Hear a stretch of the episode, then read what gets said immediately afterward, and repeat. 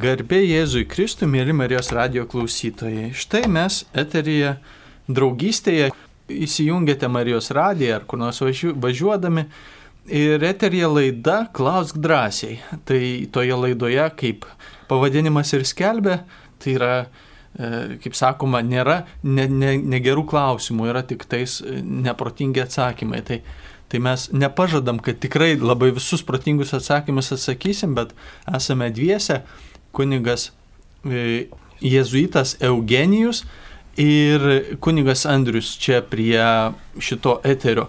Tai Eugenijus yra jėzuitas, tai visus dalykus išvešėmės išmano. Aš daugiau galiu, tai platesnės rytis dvasingumas, pastoracija ir, ir dogminės mokymas, kas liečia katalikų bažnyčios sakramentinį gyvenimą ir, ir, ir charizminį. Taigi, turime skambutį. Kas mums paskambino? Juozas iš Vilniaus. Sveiki, Juozai. Tai mano būtų toks nu, gal klausimas, brūkšnys pastebėjimas. E, yra skaitomas dažnai Senasis testamentas. Ten paprastai aprašomi įvykiai, nu, sakyčiau, tokie tolimi nuo mūsų realybės. Kovos, e, imperat, didikai įvairūs, ten susirėmimai, pakankamai žiaurūs dalykai, e, bet mažai komentarų apie tai. E, sakyčiau, kodėl neduodami komentarai, paaiškinimai, visgi ir galbūt netgi daugiau tų komentarų ir aiškinimų, jeigu apie tą Senąjį testamentą, negu jo pačio skaitimo. E, ką jūs galėtumėt paaiškinti, kaip paaiškinti? Mhm. Ačiū Jums už klausimą.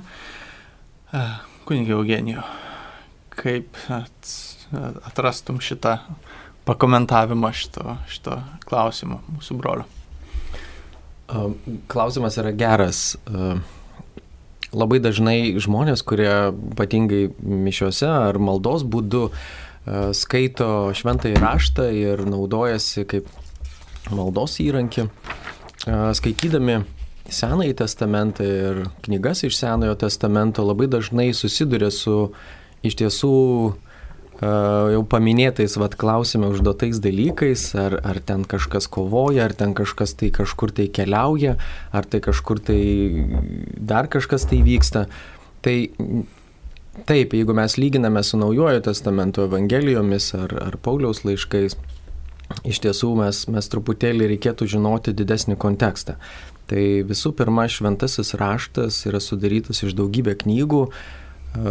Tos knygos turi istorinį kontekstą, turi prieškimo, turi pranašų, turi išminties dalykų ir, ir visi jie yra sudėti. Tai kartais, kai mes to istorinio konteksto negalėdami apriepti, kartais, na, bandome įsivaizduoti, kas ten yra viskas aprašyta, e, kaip papreiškimo istorija, iš tiesų susidurėm su tais dalykais, e, ne žmogaus nuklydimu, galbūt e, tais dalykais, kurie šventame rašte paminėti kaip neteisingi. Tai visos tos kovos ar dar kažkas nėra parodomas kaip pavyzdys, kad tu turi taip elgtis, bet iš tiesų kaip žmogaus na, silpnumas, trapumas ir, ir, ir, ir tos valdžios toks siekis, kuris visiškai e, nepasotina žmogaus sielos, o iš tiesų tik tai santyki su Dievu pasotina. Tai, o kita vertus, jeigu kalbėti apie komentarus, tai iš tiesų turbūt su manim sutiks dauguma, kad studijuojant teologiją ir tiek seminarijose ar, ar universitetuose, teologijos mokyklose, daugiausia arba turbūt labai daug yra komentarų parašytų Senajam testamentui, jų knygoms ir, ir, ir ten tikrai buvo ir teologų, ir žmonių, e, kurie, kurie tų komentarų daugybę rašo. E, dar vienas dalykas, apie kurį norėčiau pasakyti, tai ko gero, kad kai yra skaitomas e, skaitinys iš Senojo testamento mišių metu, turbūt retai, kuris E, tą e, skaitinį pakomentuoja. Tai čia turbūt buvo irgi vienas iš klausimų, kad e, kunigai galbūt nekomentuoja, ne pamoksluose nenaudoja tos medžiagos. Turbūt, aišku, čia, čia jau gal kiekvieno kunigo toks dalykas. Tai, tai taip, reikia primti kaip visą kontekstą bendrą švento rašto ir tada, tada tų komentarų tikrai yra, galbūt jie mažiau prieinami mums yra, bet e, na tokio pastebėjimo tikrai yra. Tai gal Andriu, dar kažką tikrai tai pridėk. Taip. Tikrai taip. Tai aš tiesiog viskam pritariu ir, ir iš esmės, kad na, yra Senojo testamento žvilgsnis, kad, kad jį suprastumėm, turim turėti tą žydų tautos žvilgsnį pirmiausia, jų visko matymo per Dievo prizmę. Tai reiškia, į visą savo istoriją tautos jie žiūrėjo, kaip žiūrėtų Dievas ir tarsi už viską jis būtų atsakingas. Tai, tai kad tai yra žydų, žydiškas mentalitetas, tas semitinis mąstymo būdas.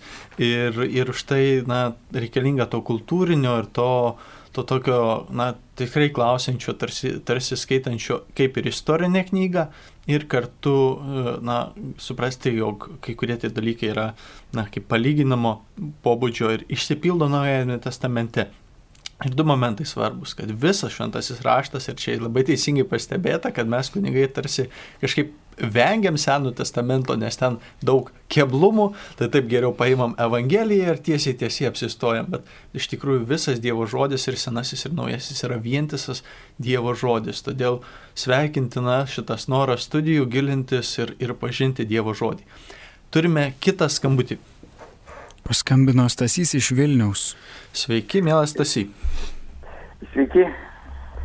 Klausome jūsų. Noriu paklausti, krikščionybė, katalikybė Lietuvoje, jeigu palygintumėt ją su krikščionybė, katalikybė Rusijoje, Baltarusijoje.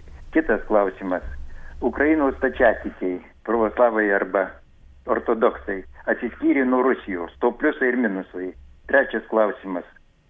Lietuvos katalikai krikščionys po koronos, pasaulio katalikai krikščionys po koronos. Gal dar ir ne po, jinai dar tebėra kokie to pliusai, minusai, kokia toliau e, krikščionybės, katalikybės ateitis pasaulyje. Ačiū už atsakymus. Oho, ačiū. Trys klausimai. Tokie, ties kuriuom galėtume apsistoti bent kokiai valandai, kad viską išnekėt, turbūt, kad kinkamai platus ar ne, nes. Uh, na, dėkui, dėkui, mielas brolis Tasy.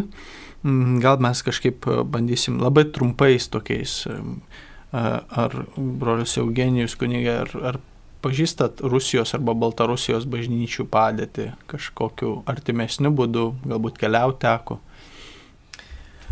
Nu, man labiau artimesnė yra, aišku, kita pietinė pusė, tiek Rusijos, tiek Baltarusijos, galbūt mažiausiai turbūt žinau tiek situaciją, tiek na, tikinčių žmonių gyvenimą. Nežinau, čia, čia turbūt teisingai pasakyta, kad e, galima būtų diskutuoti labai daug ir, ir, ir dabar apsimesti, kad čia mes esam labai geri žinovai ir žinotume visus atsakymus. Atsiskirimo klausimas iš tikrųjų, nežinau, taip pat sudėtinga būtų atsakyti. Um, Galbūt vienas dalykų, kur buvo paklausta apie bažnyčios ateitį ir, ir Lietuvą, ir, ir, ir po koronos ar, ar koronos virusui besitęsiant, kaip čia, kaip čia keisis, kas čia bus. Aš manau, kad mūsų pačių gyvenimai truputėlį pasikeitė. Mes galbūt staptelėjom visi, visas pasaulis staptelėjo ir, ir pamatė, kas vyksta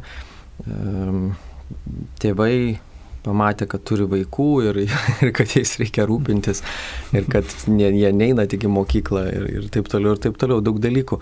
Bažnyčioje galbūt kalbant, kad e, bažnyčia um, ypač karantino metu tapo tokia nuotolinė, kur, kur, kur viskas buvo transliuojama, pasakojama ir aš labai džiaugiuosi, kad bažnyčia iš tiesų tam ėjo tokiu keliu, kuris, na, atrodo duris uždarytos, bažnyčios nėra atviros, bet, bet pats tikėjimas yra atviras ateina per kit, kitus būdus. Tai, tai tas buvo labai svarbu, žvelgiant į ateitį iš tikrųjų, na, man toks galbūt baime, kad ta tokio artumo jausmo mes, mes neprarastume, nes vis tiek dabar susitinki žmogų ir tu taip čia sveikintis, nesisveikinti čia taip ranko paspaust, nepaspaust, apsikabinti, na tai va tokio artumo jausmo, kad, kad, kad neprarastume, kas iš tiesų bažnyčioje taip pat yra labai svarbu, ar ne?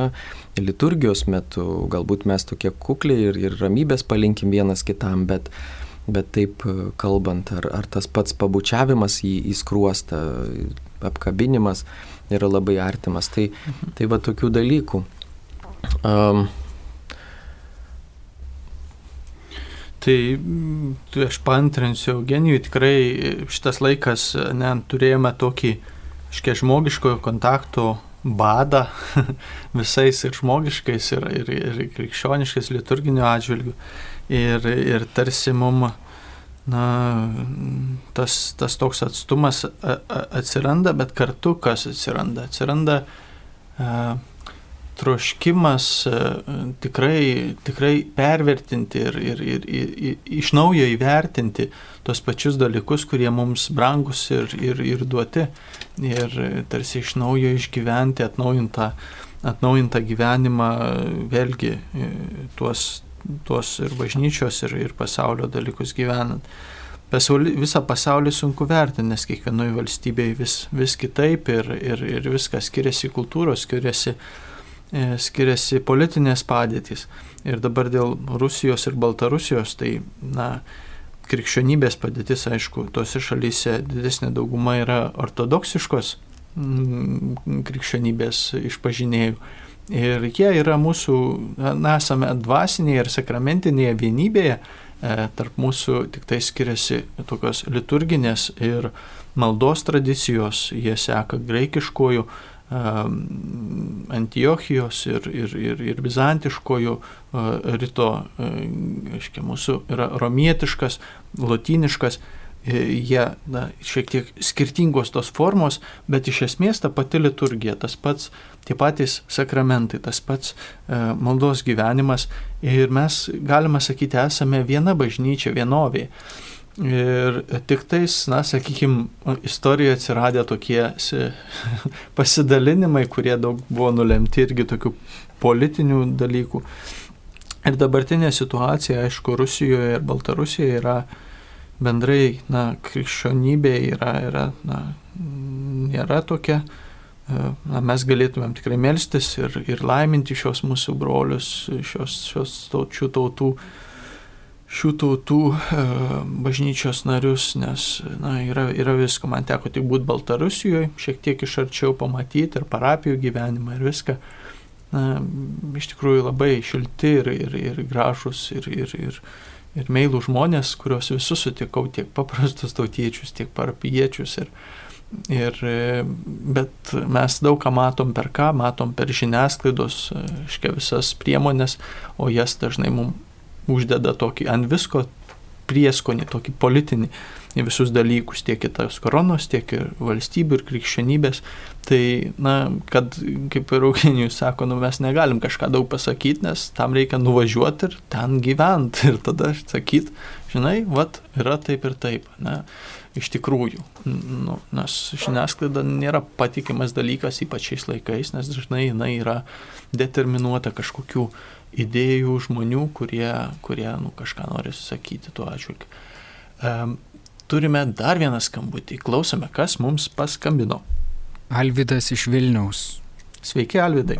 E, pagarba kunigams. Tokį, Ačiū ir jums. Yra toks dalykas. E, praėjusią savaitę Turkomanų prezidentas e, Erdogan pagal visus tos jų kano įstatymus gražino Šventos Sofijos e, soborą esantį Konstantinopolį, dabar Stambulų pavadintą tokia mieste. Tai vienas seniausių krikščioniškų soborų, statytas šeštame amžiuje, po to 1453 metais užgrobė e, musulmonai, e, po to 22 metais buvo paversta muziejumi, o iki šios dienos e, buvo kaip, veikia kaip po muziejus, gal žinoma e, dabar vėl perduota musulmonams. E, kodėl negirdėti kažkokių ryštingų pareiškimų ne iš Romos popiežiaus jezuito e, Pranciškaus, ne iš e, pravoslavnų Maskvos e, patriarcho Kirilo, e, kažkaip jokių tokių žygių, nei, nei moralinių, nei jokių tenai. Nei karinių. Ačiū Jums už klausimą. Taip, tas klausimas aktualus, kai matom, sekam žinias um, ir, ir girdėti tų komentarų. Net girdėjau tokį komentarą, sako, nu va, reikia naujo kryžiaus žygio, bet šitas popiežius per daug silpnas, kad jį suorganizuotų. Tai tokie, pajukaujant, aišku, galima tai pasakyti, bet, bet aišku, susideda iš, iš, daug, iš daug dalykų ir, ir, ir kaip ir visur istorijoje, krikščionys dažnai yra prisilegiami, prispaudžiami ir, ir, ir visokių politinių jėgų manipulacijų bandomi žlugdyti arba, arba kitų, reiškia, supolitintų religinių valgi valdžios, valdžios institucijų, na, galima sakyti, apiplėšiami, ne, tai tas oboras visais laikais tikrai buvo krikščionybės tas uh, na, bizantiškosios irgi tas dalies centrinė šventovė ir, ir, ir dabar na, paverčiama į mečetę, bet labai įdomu kas, kad ten susirinks dabar musulmonai ir jie melsis virš tos galingos mosaikos, kurioje yra, aiškia, Kristus pasaulio išganytojas. tai, na, tarsi, tarsi juos evangelizuos turbūt. O, O mes, na, tiesiog turbūt matydami, kad vis tiek nepakeisime šito dalyko ir nenorėdami sukelt kažkokio antagonizmo, tai yra ta, to tokio, na, kariavimo ar priešiškumo, nes tai nėra krikščioniškas, nebūtų krikščioniška laikysena kažkaip dabar imti ir o, kovoti ar maištauti arba ten vėl e, turbūt išgirsime, manau, išgirsime kažkurių pasisakymų bažnyčių, reiškia, mūsų didžiųjų, bet kai paruoštą dialogų keliu, e, atsakymus kažkokius suras, kokius galėtų ieškoti bendrų sprendimų šitoje vietoje. Gal turi Evgenijau dar kokį pastebėjimą? Aš tai tikėjausi, kad šis klausimas bus užduotas. Iš tiesų ne vienam uh, tikinčiam žmogui iš tiesų virpa širdelė girdint tokius dalykus. E, pasisakymų yra ir, ir man pačiam teko domėtis truputėlį, tai tikrai mačiau ir, ir, ir, ir girdėjau ir popiežiaus poziciją. Na, turbūt ji nėra tokia, kaip, kaip, kaip galbūt dauguma norėtų, ar ne, kad ten, ne, čia jėga dabar atsiimkim dalykus. E, Ne, yra pasakymas, yra pasakymas, kad tai yra neprimtina, kad tai mums, krikščionims, tai nepatinka, kad, kad davė suprasti tą dalyką. Buvo taip pat pasisakymas iš, iš Maskvos patriarcho taip toliau ir, ir iš tiesų tie pasisakymai yra tokie, kad kaip Romos katalikams Vatikanas, e, Švento Petro bazilika yra svarbi, taip, taip būtent pravoslavams, ortodoksams yra būtent e, ta bazilika svarbi. Hagija Sofija. Tai, nu, tokių dalykų yra. Aišku, kad galbūt iš dalies tai yra politizuotas ėjimas. E, šalia Hagijos Sofijos yra didelė melinoji mečetė visai, visai šalimais. Ir jau kurį laiką ir pati Hagija Sofija buvo na, daugiau skirta kaip muziejaus funkcijas atliko, aišku, nebuvo oficialiai per, perkeista į, į mečetę, bet, bet dabar, dabar žinoma toks politinis Erdogano įimas, kad, kad, kad parodysiu Europai, kokią galę turiu ir, ir, ir ką čia turiu. Ir žinoma, kaip jautriausias dalykas yra na, religija, tikėjimas. Tai toks, toks yra. Mhm. Um, išlikim maldo, išlikime tokiam dialogė ir, ir racionalume. Turime žinutę, kitas klausimas, kurio aš tikėjausi, kad jis bus užduotas. E, pakomentuokite situaciją dėl seminarijų jungimosi. E, jau aišku nuskambėjo per žiniasklaidą, per viską, kad jungimosi ir kartu skyrimosi. Čia yra dvigubas momentas. Ir, ir, ir taip visokių yra nuomonių, taip, na, kaip ir kiekvieni pokyčiai jie įneša na, kažkam vėlgi vienokių minčių ir emocijų, kitiem kitokių. Ir, ir šitie, šitas sprendimas buvo iš anksto, aišku, apgalvotas, numatytas, tik galbūt na, šiek tiek na, pavėluotai patiems auklėtiniams seminarijų pranešta, taip iš, iš, iš laiko perspektyvos žiūrint, kad jie galėtų na, pasiruošti ar ne tam visam kelioniai, bet iš kitos pusės ir Na ir nieko tokio, nes, na, pavyzdžiui, kai kuningas keliamas kažkur į parapiją, tai tu dabar esi klebonas kažkur savo, iškia, klebonauji, gyveni ir štai ateina koks sprendimas, kad, žinai, tavęs labai reikia kažkur kitoje vietoje ir, ir, ir žiūrėk, po mėnesio tu jau esi kitoje vietoje. Tai tas e, kunigo e, mokinimasis pa, pa, e, paaiškia, e, pakeisti gyvenimo situaciją yra būtinas. Ir kodėl šitas, šitas atsirado, šitas modelis seminarijų, tai kurie gal dabar ne, nežinot apie ką, gal reikia pradėti pradžioje nuo situacijos. Ne, tai, e, tai Lietuvoje įvestas naujas seminaristų ugdymo būdas.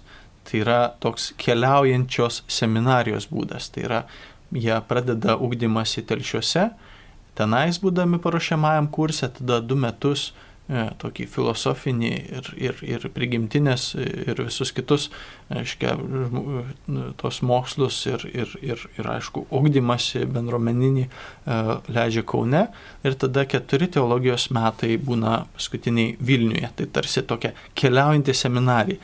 Ir iš kur tas atsirado? Visai nesenai, prieš turbūt kokius metus, Lietuvoje lankėsi Vatikano dvasininkų kongregacijos sekretorius Jorge Vongas. Ir jisai kalbėjo apie naują popiežiaus kvietimą seminaristų ugdymui, kurį sakė, jog kviečia ugdyti seminaristus dviejose, dviejomis tokiamis na, teologinėmis ir praktinėmis linijomis. Viena jų yra misionieriškumas. Tai yra, kad, va, kaip jezuitai yra tokie popiežiaus misionieriai, kuriuos siunčia po pasaulį, ten keliauja, tuo tą, išgyvena tą misiją, aš esu siunčiamas kažkur ir aš esu keliaujantis kaip Dievo žodžio nešėjas ir, ir, ir, ir tas Kristaus Evangelijos liudytojas. Ir antras, kad ugdyti tą samoningumą kunigo parapijoje, E, ir bažnyčioje kaip esančio bendruomenės narių ir parapijos modelis kaip šeiminiškumo principų. Tai yra parapija, kurioje, na, standartinis ar ne, klebonas administruoja parapiją, e, visi klauso. Tai popiežius, na, tarsi pakreipia į tą, kad daugiau į tą žiūrėti modelį kaip tėvas ir visi kiti. Ne? Kiekvienas savo pareigoj, tarsi šeimoje, kiekvienas turi pareigas, kiekvienas lygiai vertės ir svarbus.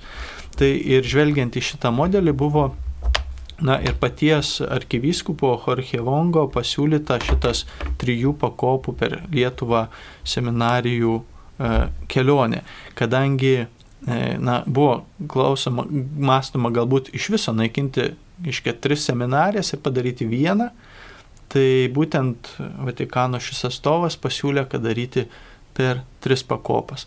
Ir, ir žinoma, vėlgi dabar sakau, yra visokių tų klausimų ir, ir idėjų, ir patiems seminaristam, aišku, nepatogu, visa kita, bet iš to bus ir, manau, ir daug na, teigiamų vaisių šalia, šalia tų ir negatyvių sunkumų, kurios na, teks žmogiškai, žmogiškai patirti. Ar kažkokią matytum iš jėzuitiškos perspektyvos čia kažkokį komentarą?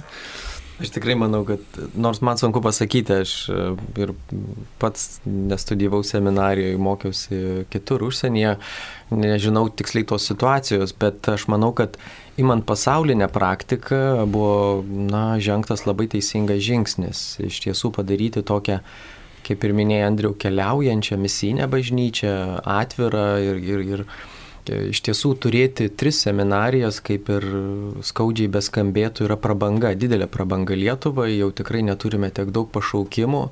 Tai ir prašome visų Marijos radijos klausytojų melstis už pašaukimus, kad jų būtų daugiau.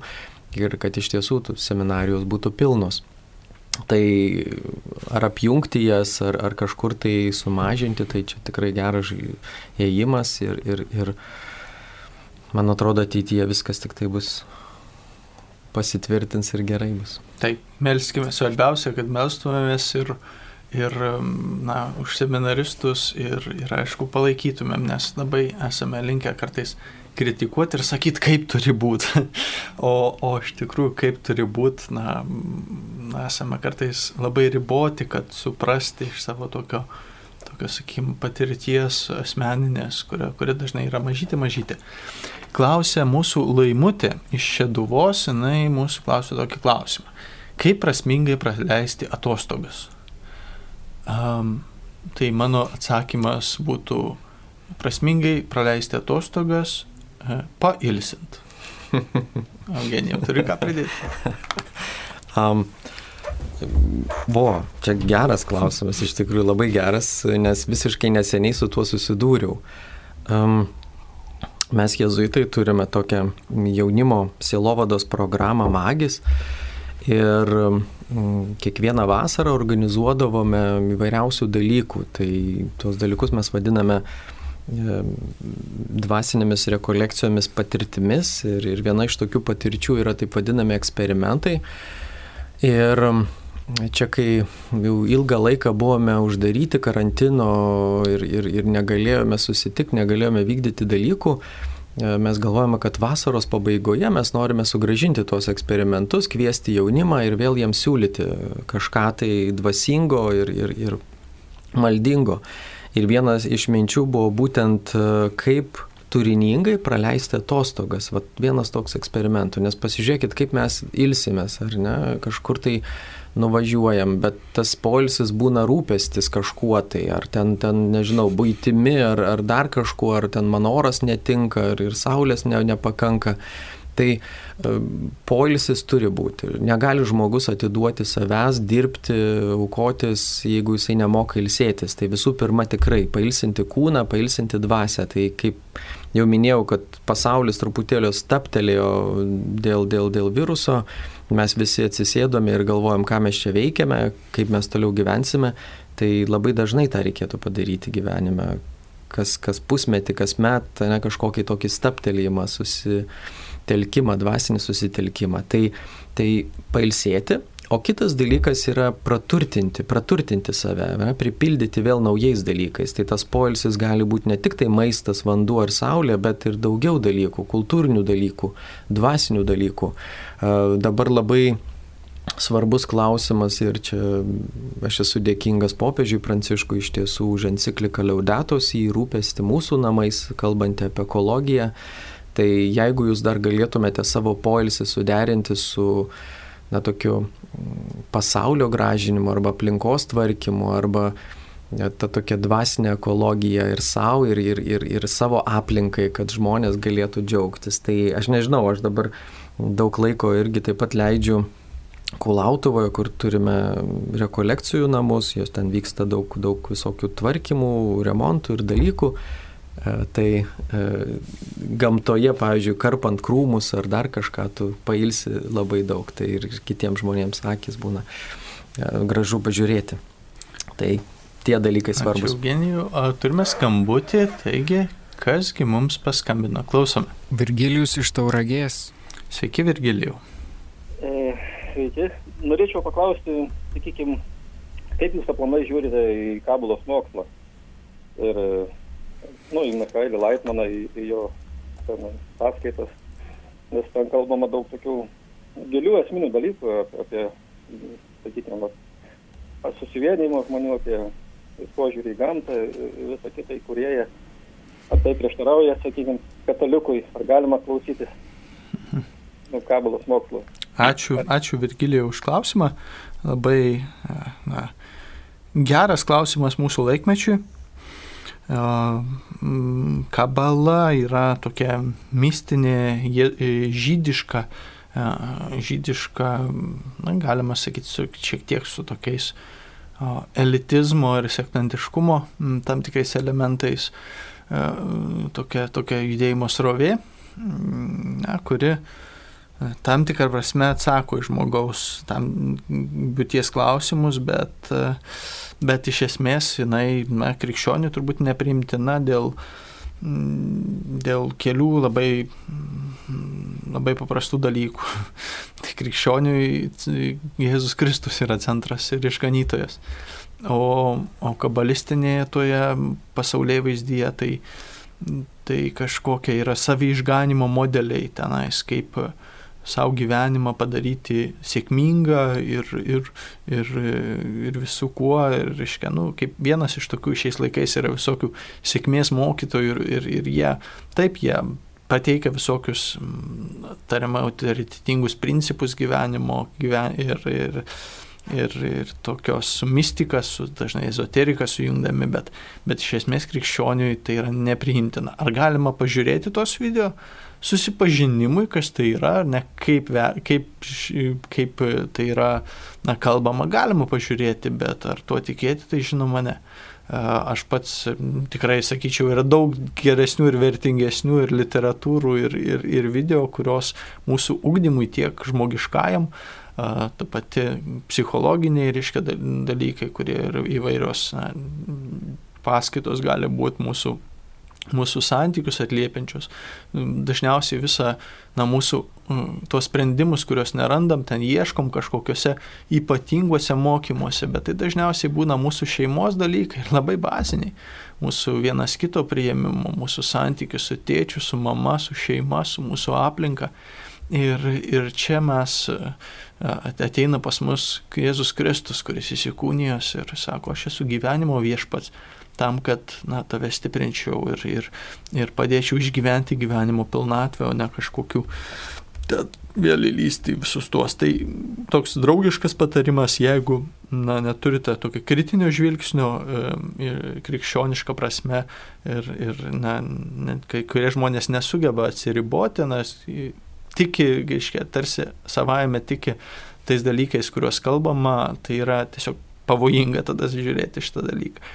O jeigu susipažinimui arba tokiam kritiniam įvertinimui iš krikščioniškos perspektyvos, na, kodėl ne, pats nesužiūrėjęs, bet ir tikiuosi, turbūt nežiūrėsiu, bet gal reikės plačiau susipažinti, jeigu kažkam reiks papasakot, kam reikalas. Ar turi dar kokį komentarą, Eugenijų? Kartais galvoju, žinoma, visos mistinės tradicijos, na, iš tiesų jos tokios, uh, vien žodis mistinės e, traukia žmogų, nes kiekviena tokia tradicija iš tiesų bando atsakyti į žmogui rūpimus klausimus. Pasaulio atsiradimą, apie e, gyvenimo prasme, apie Dievą, apie žmogų, apie, apie daugelį, daugelį dalykų. Ir pavyzdžiui, jeigu tu nesi susipažinęs su e, na, krikščioniška antropologija, apie, apie pasaulyje žiūrą, apie, apie kitus dalykus iš tiesų, na, klausantis ar, ar žiūrint, atrodo, kad tie atsakymai yra pakankami, atrodo, kad čia viskas teisinga. E, žinoma, aš taip pat nesu specialistas nei kabalos, nei kažkokių kitų dalykų, galbūt kažkiek teko girdėti ar, ar, ar klausytis, bet e, sakau, tai yra nu, tai, kas žmogui rūpi ir, ir, ir, ir pateikta labai greitai, Kitas dalykas gali būti, kad patraukia, nes kažkokia įžymybė galbūt ten paminėjo apie tą kabalą, čia, jeigu neklistu, turbūt Madona gal yra sėkėja ir, ir, ir, ir kiti. Ir, bet kažkaip Lietuvoje iš tiesų pasigirsta vis daugiau tokio, tokių minčių apie kabalizmą, tai gal čia irgi kažkokių tai yra dalykų, kurie, kurie vis populiarėja Lietuvoje. Ir, ir... Bet, bet iš esmės tai yra pats kaip toks darinys, tai jisai yra negatyvus, net ir žmogiškąją prasme, net ne, ne, ne religinė. Tai patarimas na, tiesiog nesigilint per daug ir, ir kartu, na, žinot, susipažinti, kad yra tas, tas dalykas, kaip ir daug kitų dalykų. Taigi, e, klausimas, žinutė. Nesiniai manęs paklausė, ar esu patyręs užtarėjas nes rekolekcijose reikia tokių žmonių. Ar čia kokia speciali tarnystė, kurią gali atlikti tik kažkokia ypatinga krikščionių rūšis? Tiesiog tikintis, besimeldžiantis, praktikuojantis krikščionis tai kaip ir netinka. Na, gražus pastebėjimas e, ir teisingas pastebėjimas iš tos pusės, kad kiekvienas krikščionis e, yra užtarėjas. Pirmiausia, kiekvienas tikintis, besimeldžiantis, e, su Dievu gyvenantis krikščionis, nebent jis meldžiasi tik už save patį ir savo poreikius, tai jis tada nėra užtarėjas. Bet jeigu jisai meldžiasi už kitus žmonės, jis juos užtarė E, Jėzaus vardu ir šventoji dvasia veikia jame. Taigi ši tarnystė ir šis pašaukimas yra kiekvieno e, besimeldžiančio. Tačiau turbūt vardo neparašyta, bet mūsų beklausintis žmogus ar, ar žmoga, kas bebūtų, e, turi šitą klausimą apie kartais vykstančias užtarimo pamaldas, kuriomis na, mes turime tą maldos būdą, kuriuo dalis žmonių, na, paprastai arba ten uždeda rankas kur ant pečių ir, ir, ir meldžiasi to tiesioginiu tokiu užtarimo būdu. Ir labai svarbu na, suprasti, kad ar vienu ar kitu būdu tai yra, tai yra tiesiog maldos būdas, maldos, aiškiai, kelias, kuriuo meldžiamasi.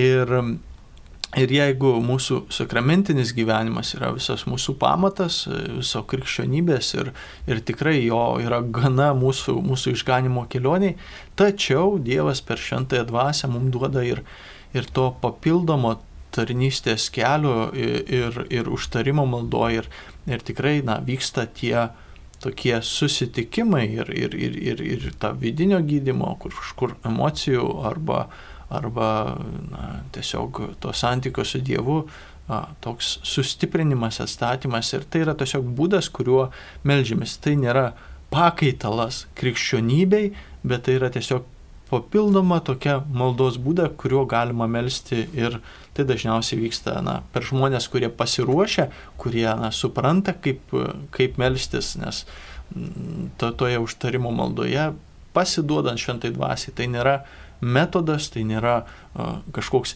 išmokimas, tai yra tiesiog paprasta malda. Tai gali, gali ten ir žodžių nebūtų, tiesiog, nežinau, Dievo akivaizdoj, sakai, Dieve laimink, Dieve aplankyk tą žmogų ir, ir tu tiesiog jam pavedi visus, visus vaisius ir, ir, ir, ir, ir tu leidi Dievui, na, toje maldoje žmogų aplankyti, nes jis nepriima iš viešpaties. Tai yra toks, na, kartu reikalingas, kaip sakyt, kaip jūsų paklausė, ar ne, ar, ar, ar, ar, ar, nu, ar, ar, ar tu kada nors tai darė, ar turi patirtį, nes jeigu neturi, tu gali įsivaizduoti, kad dabar aš melsiuos ir turiu žmogui, reiškia, išpasakot arba ten kažką jam įmelst ar panašiai, nu kabutėse, taip juokaujant, ar ne. Tai, tai ta, tas atvirumas Dievo dvasiai jis yra svarbus ir, ir, ir tas tam tikras pasiruošimas arba samoningumas, tad jūsų turbūt teisingai ir tą klausimą paklausė, ar, ar tu esi gebantis tu, tuo būdu atliepti Dievo užtarimui. Bet vėlgi svarbiausia, visa katalikų ir krikščionių bažnyčia, kai melžiamės už kitus, ar per artu, artumą, ar per atstumą, yra svarbu, kad tai yra užtarimo malda ir tai yra gera. Va. aš, tik, aš tik tai noriu tavęs, Andriu, paklausti, sakau, kad tu organizuotum rekolekcijas ir, ir, ir galvotum, mes ten melsimės už kitus žmonės, už tarimo mm. maldą ir bet žmogus kreiptųsi į tavęs ir sakytų, nuo ko man reikia, ar man reikia išpažinties prieiti prieš tai, ar man reikia gyventi sakramentinį gyvenimą, aš niekada to nedariau ir, ir, ir dabar aš vat, galbūt noriu būti, tai, tai na, tu iš dalies atsakėjai, teisingai sakai, na, būti tam stovyje, turėti troškimą, galbūt nebūtinai būti jau dalyvavus užtarimo maldo ir žinoti apie tai, kas vyksta ir, ir, ir jau daryti. Tai galbūt tai tiesiog... Jo, toks. tai turbūt krikščioniška laikysena yra svarbu čia, ar ne, kad gyvent malonė stovėje, kaip sakant, ar ne, kad būti, reiškia, na, krikščionių tikrai to žodžio nu, prasme, kad be visokių, reiškia, nu, nukrypimų didelių, ar ne, nu, ne tai, kad Iškia, kaip e, iškia, tas Jėzus sako, kas be nuodėmės, tegul pirmas sviedžia į mane akmenį, ne? tai iškia, galiausiai niekas nesviedė, nors sako tas anegdotas, kad mergelė Marija turėjo teisę nesviesti akmenį. Čia bet, okay, bet, bet esam, esam, nesam visi su klaidom, bet iš esmės, ir ne, krikščioniškas gyvenimas tai yra sakramentinis, išpažinties, susitaikymas, tai vienybė su bažnyčia, tai kad nebūtų kažkoks, žinai, čia ypatingi kažkokie čia, oi, mes čia dabar pasimėlysim. Pažymėjimų neturi, ne? Tai Nėra, bet, vat, bet pažymėjimas turbūt yra, nu, melstis pažymėjimą neišrašo, reiškia, viskupai, kad galėtų melstis už kitą žmogų. Tai bet svarbu, kad būtų vienybė su visa bažnyčia ir išpažinti vienybę ir su kunigais, ir su viskupais, kad nebūtų tokio pasidalinimo ar rungtyniavimo, kurie čia stipriau pasimels, reiškia, užtarėjai per pamaldas, ar čia, ar čia reiškia, mišiom, mišiom stipriau, reiškia, veikia Dievas, bet, bet jis veda visą bažnyčią vienovį. Mhm. E, turime dar kelis klausimus.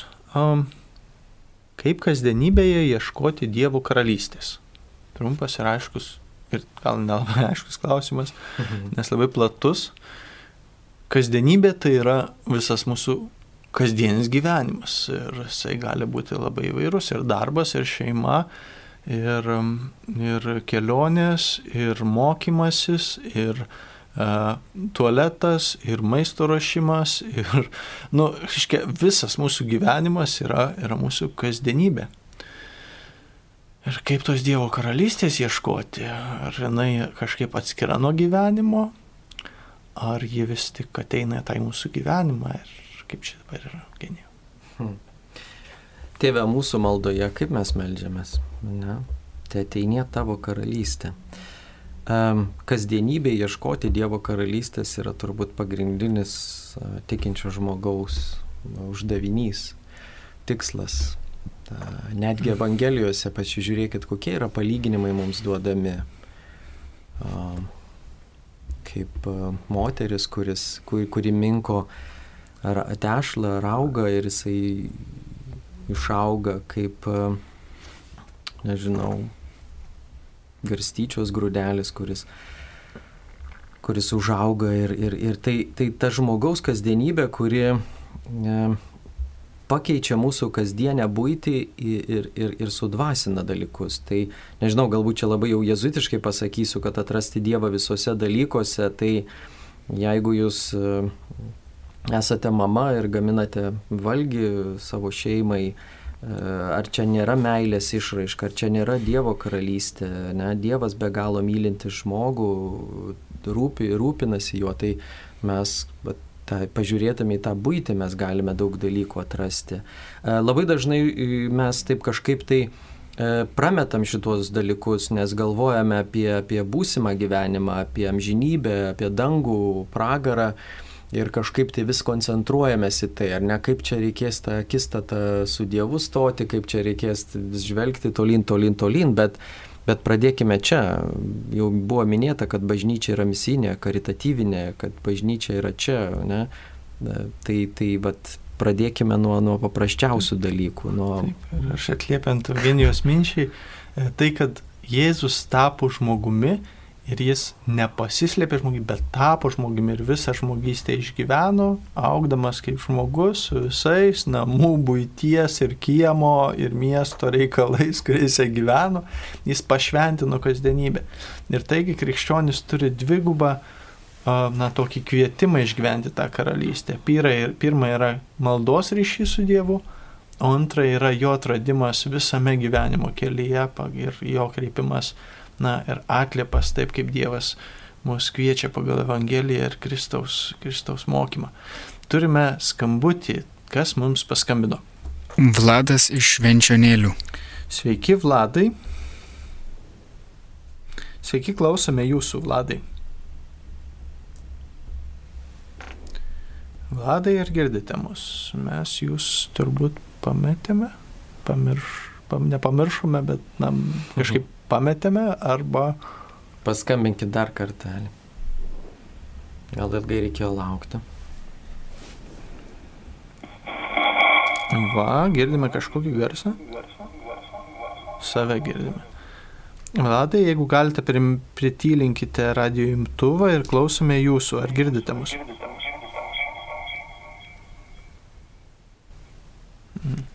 Na, Vladas tikriausiai galbūt tiesiog nesusijungia kažkas pas jį ir ne, neišgirdome klausimų. Ką darysi? Taigi, kitas klausimas, čia su užtarėjais turbūt susijęs momentas, galbūt net tas pats žmogus čia rašo, nežinau. Prašau papasakoti apie šlovinimo tarnystę. Irgi. Dabar labai svarbu mūsų vienovė, labai svarbu bažnyčios vienovė. E, daug girdėjęs esu tokių nusiskundimų, kad kodėl mes vadinam šlovinimo tarnystę, ką šiandieniniai terminologijoje mes a, m, vadiname, tai yra giesmės, tai yra naujo būdo arba naujos, e, naujo tokio gėdojimo būdo, kuris labiau evangelinis, sukoncentruotas į Jėzų Kristų, į, į, į, į, jo, jo malonės tokią mm, žinę mums suteiktos. Ir, ir tą gėdojimą, kuris dažnai, na, sakykime, toks labiau ekspresyvus bažnyčiui, mes jį vadinam šlovinimo malda. Ir tie, kurie veda šlovinimą, tai yra tas giesmes, aš sakau, šio laikinio terminologija, šias giesmes šiuo būdu ekspresyviu, e, e, tai yra, tai yra sak, galima sakyti, charizma arba dovana vesti jį. E, teko tokiam dalyvauti na, visam seminarė apie šitą tarnystę. Kritingoje čia buvo atvažiavusi Martindom bendruomenė iš e, Slovakijos, berats. Ir, ir jie būtent apie šitai kalbėjo, kad tai yra, tai yra tarnystė ir joje e, yra, e, tai yra, tai yra malda. Tai paprastai tie, kurie tarnauja kaip šlovintojai, tą savo giesmę mato ne tik kaip na, kūrinį, jie visų pirma visų kuo meldžiasi ir nori patys visų savimi šlovinti Dievą ir, ir tuo būdu kviečia visus jungtis. Tai galima sakyti lygiai tas pats, kas vargonininkas padaro parapijoje, tik turbūt galbūt e, dėl tokio, na, e, rutiniškumo arba, arba na, na sakykime, tokių kartais gėdojimo būdų, tai gali tamti tokiu tarsi darbu, tarsi gėdojimu ir, ir, ir daug giesmių, kurios sunku įsijungti gali būti, nes jos gal sudėtingos ir kitiems, na, parapijoje būna sunku nugėdoti, pavyzdžiui, kokią lotynišką giesmę užgėdą. Nu tai dabar parapijoje žmonės susirinkę, nu iš kur jie mokės tą lotynišką giesmę gėdoti. O šitos giesmės paprastai būna paprastesnės ir lengviau į jomis įsijungti ir kartu bendruomeniai visiems kartu melstis, jeigu, pavyzdžiui, bažnyčiai arba nebūtinai bažnyčiai būna ir kitais momentais. Tai yra maldos Dievui būdas ir tie, kurie atlieka ją, atlieka kaip tarnystę, kaip, kaip tą bendruomenės, reiškia, misijos dalį. Tai, tai va, ar, ar kažką norėtum pridėti, Eugenijau? Ne, aš irgi turiu klausimą, ar, ar, ar šlovinimo tada malda atstoja mišes? Na, pavyzdžiui, jeigu aš vakarę einu šlovinimo vakarą, pasimeldžiu, mhm. gal čia man paskui mišes nereikia eiti. Jo, tai, tai mišes, mišes, tai pats žinai atsakymą ir išduodi klausimą labai gerai. Tai, tai jo, tai iš tikrųjų Uh, visi turbūt jau jaučia atsakymą, dabar kunigai tai jau turės dabar pasakyti, kad jau, jau, į mišę, jau į mišes kaip reikia nueiti. Nu visiems yra aišku, kad mišios yra mūsų, mūsų centras, tai yra mišios kaip uh, kaip Kristus, kaip Eucharistinis viešpats, kuris mums dovanoja savo dievišką prigimtį. Ir niekas ant žemės to nepakeis. Vienybės, e, tos e, perkeičiančios komunijos vienybės su viešpačiu. Tai yra, tai yra didžiausia dovana, kokią viešpas turi ir svarbiausiai malda yra mūsų Euharistija, mūsų pascha, mūsų perėjimas iš mirties į gyvenimą, kurio viešpas mus perveda, tarsi Izraelitus per Raudonąją jūrą išgelbėdamas nuo šio pasaulio visų faraonų, iškia dvasinė prasme. Ne. Tai yra mūsų, mūsų gyvenimo ir mūsų krikščionybės na, pagrindinis, pagrindinis centras.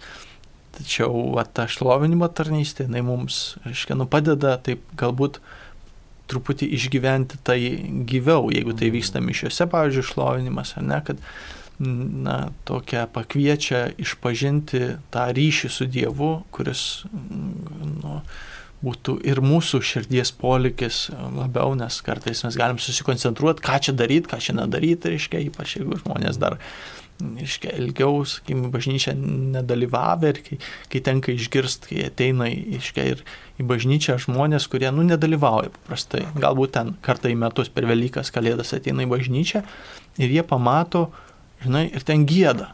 Tokiu, na, sakykim, gyvesniu arba tokiu ekspresyvesniu būdu ir jie nesupranta, kur jie papuolė. Tai čia žmonės dabar ir jie džiaugiasi ir jie kažkaip, nu, tokie visai, atrodo, na, žmonės, kurie ne, ne, ne tik, nes mes kartais, na, jaučiamės į bažnyčią atėję, kad, nu, turim labai jau čia dabar liūdėti ir tokie rimti būti ir visą kitą, bet, bet kad tikėjimas yra jis jis kartu yra džiugus ir, ir jis džiugus ne, kad mes pasidžiaugsim, kokie mes faini, kokie mes geri, kaip mes čia dabar šlovinam ar panašiai, bet kad džiugus, nes mes turim didžiausią ir nuostabiausią išganytoją, mūsų prisikėlusi ir mūsų atpirkusi savo krauju išganytoją. Ir tas šlovinimas žiūri į Jėzų ir jo pergalę. Ir todėl jisai, na, yra tas troškimas tarsi vaikų, sakė, jei šitie tylės Jėzus, tai akmenį išauks. Turime skambutį. Vėl turime ryšį su Vladu iš Švenčionėlių. Vladas atsirado, kaip smagu. Galite kalbėti, Vladai. Vladai, klausome jūsų. Vladai. Mielas Vladai, broli, draugė, kar jūs. Alio. Alios, tai Vladas, sveiki gyvi. Ar girdite mus? Jėzui Kristui. Per amžius. Alio. Alio, klausome jūsų. Garbė Jėzui Kristui. Per amžius, amen. Čia, čia iš Venčionėlių Vladas kalba. Seniukas 93 metų. Ojei. Mane domina gerbėmieji, ko, ar galima apdovanoti po mirties kleboną švenčionėlių, po gerbėme Laurinavičių.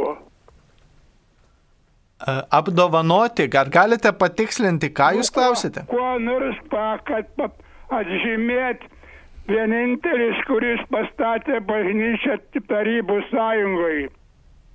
Oho, nu tai rimtas reikalas jau. Jeigu... Prašau, kalbėkit garsiai, seniukas blogai girdi. Gerai, ačiū Jums, Vla- Vladai. A, Po mirties labai galima apdovanoti visus mūsų amžinybę neiškeliavusius, kaip malda, ar ne? Tai, na, kaip daugiau apdovanosi. Gal čia buvo irgi klausima dėl, na, nežinau, ar garbės lentos, ar atminimo, ar, ar jam žinimo kažkokio.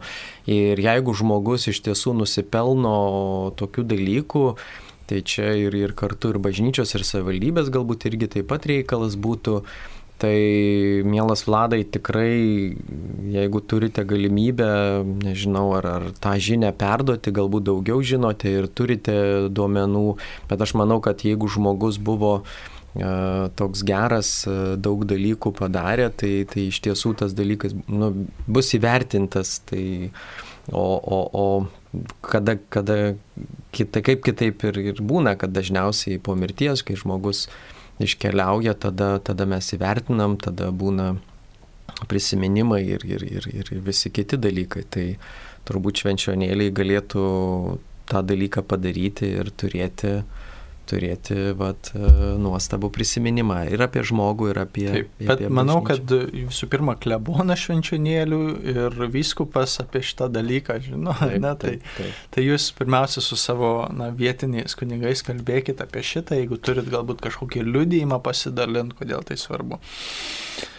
Um, taigi, um, nelabai supratau klausimo, bet garbėzui Kristui girdime jūs, bet girdime ir kitų stadijų, mm, stadijų turbūt, e, trankę muziką ir kalbas, gal ir šį kartą patvarkytumėt. Ačiū, Vėliuona Judrbak. Um, tai e, nelabai supratau skau klausimo, kokią trankę muziką ir kalbas ir ką čia patvarkyti. Tai tiesiog, jeigu galite, patikslinkite, kas parašėte. Ačiū, dabar girdime be... Ai, čia... Nesupratau, čia turbūt išsiaištė. Nu gerai. Čia turbūt dėl, dėl susijungimo buvo. Klausimas. Ar Dievas tikrai gyvena bažnyčiose, o ne žmonių širdise? Ir ar jam reikalinga brangus ritualai, už kurias moka lankytojai? Bet parašyta labai daug klaidų. Ar tik mūsų siela? Taigi žmogus, kuris tai parašė, akivaizdu, jog skirsto dalykus taip arba taip, juoda arba balta ar gyvena bažnyčiose, ar žmonių širdise, ar ten, ar ten. Ar čia dabar ritualai kažkokie, kaip mes melžiamės, ar mūsų siela, ar ne? Tai tarsi nėra, na, tokios, ar taip, ar taip. Ir šitas žmogus, kuris parašė, tikriausiai, na, ieško atsakymų pats, na, savo, savo gyvenimo kelyje, kaip man tą ryšį su Dievu turėti. Tai, tai visų pirma, turbūt nėra, nėra vietos, kurioj Dievas savo, savo neregimų, globojančių ir palaikančių buvimu nebūtų. Šventasis Tomas Akvinėtis sako, jog, jog viskas yra Dievo apvaizdo, apvaizdos vedama. Ir taigi nėra pasidalinimo, kad štai atėjau į bažnyčią, jau esu su Dievu, išėjau iš bažnyčios, tarsi savo gyvenimą gyvenu. Arba jisai yra mūsų širdise ir, na, nesvarbu, kur aš būsiu ir ką aš veiksiu, ir galiu nesirūpinti Dievu, jis vis tiek yra mano širdyje, man tas pats, kitaip sakant. Irgi bus neteisinga laikysena. Kad ir viena ir kita svarbu, ir tas širdies santykis, ir siela, ir kartu bendruomeninis šventimas ir tos bažnyčios kaip pastatai, kurie tarnauja tarnauja mūsų bendruomenės maldai. Tai yra, tai yra na, mums, mums yra svarbu turėti savo pastatą, kur mes susirenkame ir štai mes čia esame na, bendruomenės maldoje. Ir liturgija kaip tokia, kurie sako, ritualai, tai nėra žmonių sugalvoti, tai yra Kristaus įsteigti. Tiek tos pačios e, Euharistijos liturgija, nemišių dovana, tiek atleidimas, imkite šventą dvasę, kam atleisti, tiem bus atleistos, ką mes švenčiame iš pažinties sakramentų. Tai yra Dievo dovanos, kad mus aplankytų tą malonę. Taigi, taigi žiūrėti taip kaip į dovanas visų kuo, kuo mus praturtina ir kuo mums gali atliepti gyvenime daugiau negu kaip va, šitas kuris, žmogus, kuris mums parašė, tarsi bando na, surasti tik vieną tokį, tarsi uždarą būdą, tik čia reiškia dabar gyvensiu taip savo širdyje su Dievu ir tada jau garantuotai būsiu. Tai, tai, tai plačiau, plačiau atverti širdį, atverti protą ir, ir priimti jo vedimą, jo kalbėjimą.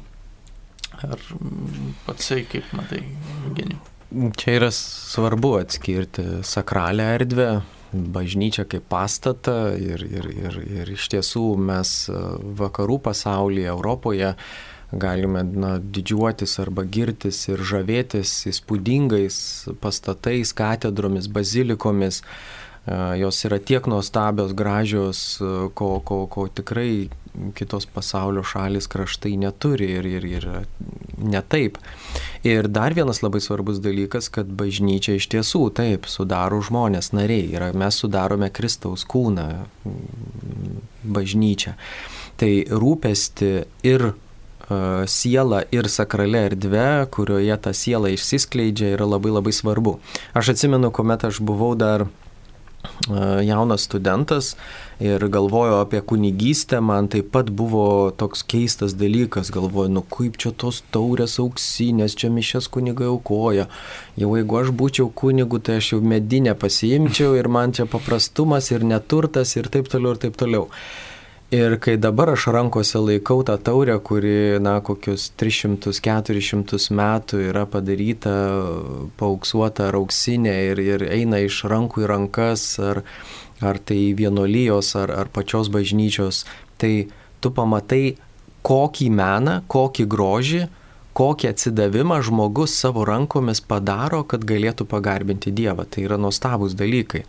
Tai kalbėti, kad e, ateini į bažnyčią ir ypatingai galbūt tie žmonės, kurie, na, rečiau ateina ir jie ateini tu sekmadienį ar ateini per šventes ir, ir va čia dar būna rinkliava ar aukas reikia, tai, na, toks gaunasi, va kaip čia aš atėjau, čia dabar visi, visi turi ateiti, bet mes visi suprantame, kad jeigu tu esi bendruomeniai, na, tu ir išlaikai tą bažnyčią. Tai, tai aukos iš tiesų turi eiti bažnyčios išlaikymui, o ne galbūt tas kažkoks pasipiktinimas, tai mes iš to gyvenam. Mane visa, visa bendruomenė išlaiko. Svarbu, taip, kad, nu, taip. E, tai, matyt, iškia visa mūsų krikščionių bendruomenė kaip šeima, kurioje mm. gyvename. Ir dabar jau valandą mes čia džiaugiamės klausimais ir atsakymais.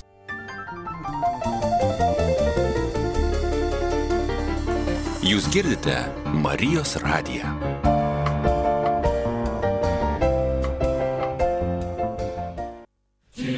Tu loué soit ton nom, tu es grand Dieu fort, et nous célébrons Dieu de tendresse, ta miséricorde et ton amour, tu es grand Dieu saint. Pokalbių laida Klausk drąsiai. Dieu fort,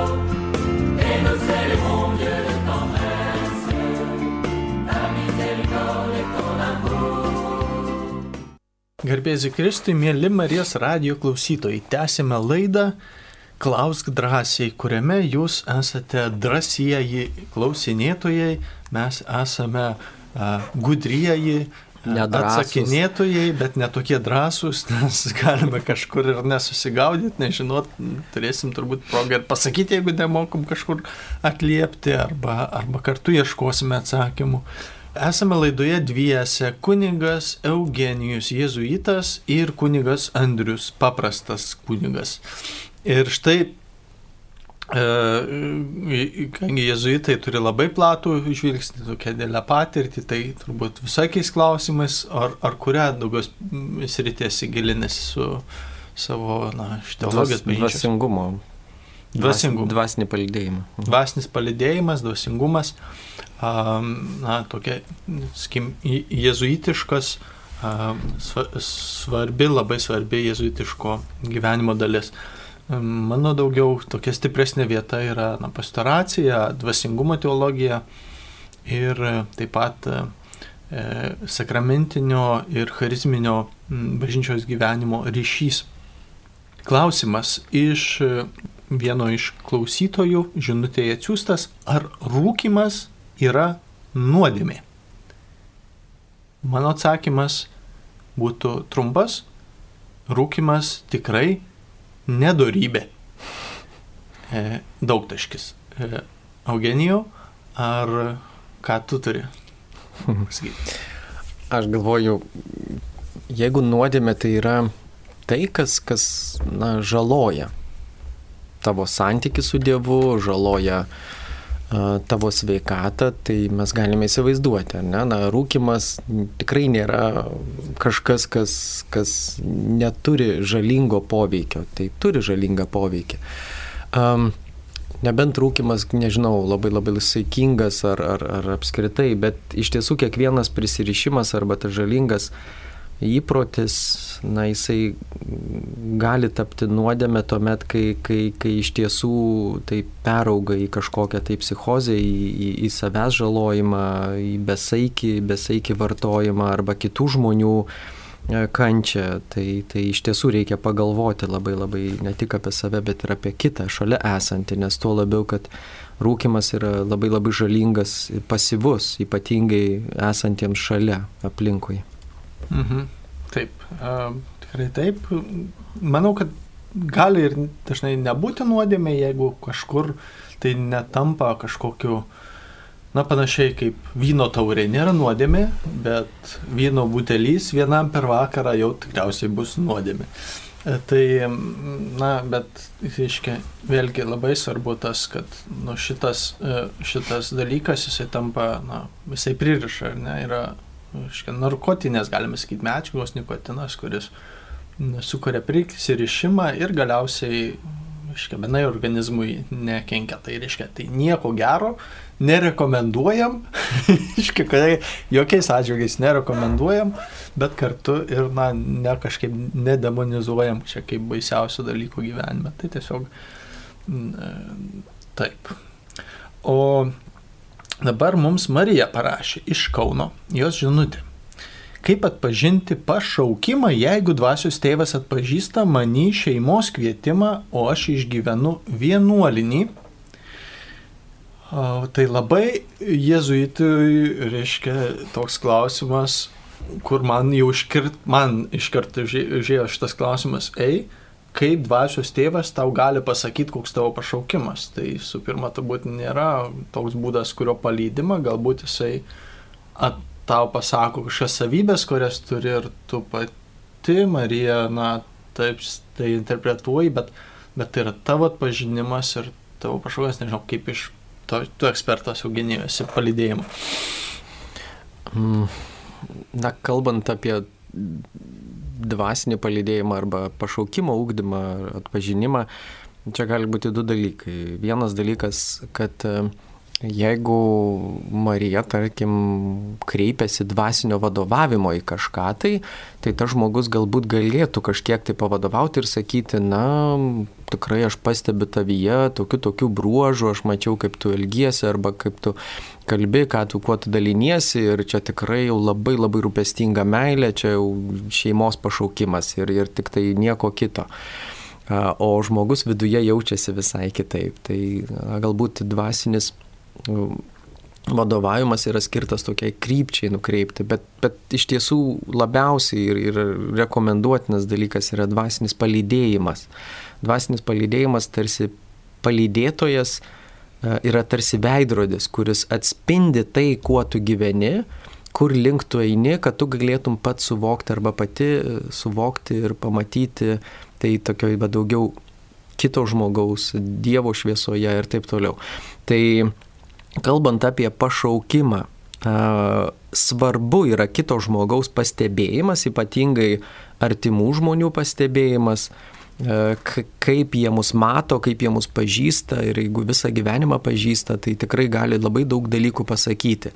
Bet kalbant apie šeimos pašaukimą ar vienuolinį pašaukimą, Ignacas yra sakęs, sako, jeigu žmogus tinka būti šeimos tėvu, jisai puikiai tiks ir būti kunigu ar vienuoliu. Tai e, ta rūpestinga meilė, tas, tas žvilgsnis, būdas žmogaus, e, na, jisai turi tikti viskam. Mes turim vieną pašaukimą - būti e, ar kurti santykių su Dievu, mylėti ir taip toliau. Tai e, jeigu žmogus pajunta pašaukimą, tai jisai turi ir atsiliepti. Nežinau, tu turi didžiausią troškimą e, vienuolinį pašaukimą turėti, patirti, išgyventi ir, ir, ir žmogus gali nerti į tai. Ir, tai jeigu esi kviečiamas, kviečiama, tai, tai, tai ir atsiliepia. Taip, tai svarbu, kad Na, kaip visų pirma, tik Jėzus gali, e, na, tas yra, kuriam na, atsiliepiame, ne, nes jis yra pirminis ir tas giluminis, tačiau labai svarbu turėti tą iš, turbūt išgrynintą intenciją. Na, mhm. jeigu aš einu, galbūt aš, ar aš tikrai, na, atliepti Jėzui noriu ir, na, tarnauti misijai, tarnauti sielų, sakykime, išganimui. Na, šeima yra irgi tarnystė ir, ir žmogiškąją, ir, ir sielų išganimų. Jo, ar aš bėgu, ar aš gal susižavėjau kažkokiu pavyzdžiu, galbūt, na, kokia priežastis yra, kas mane paskatino į tą kelią ir būti sąžiningu su savimi ir, ir tą atpažįstant, kur, kur aš iš tikrųjų arba ir norėčiau pats, ar yra su laisvas dar pasirinkti ar ne kelią, kad nebūtinai, kad čia. Taigi, e, skambutis, kas mums paskambino? Jadviga iš Vilniaus. Vilniaus.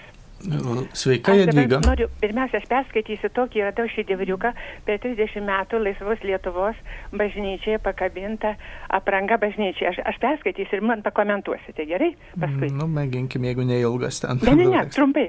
Turit, turi rodyti privalomą jūsų pagarbą Dievui bei kitiems pamaldų dalyviams. Viršutinės kūno dalies drabužiai turi dengti pečius bei krūtinę. Apatinės kūno dalies drabužiai turi dengti kelis ne tik stojant, bet ir sėdint.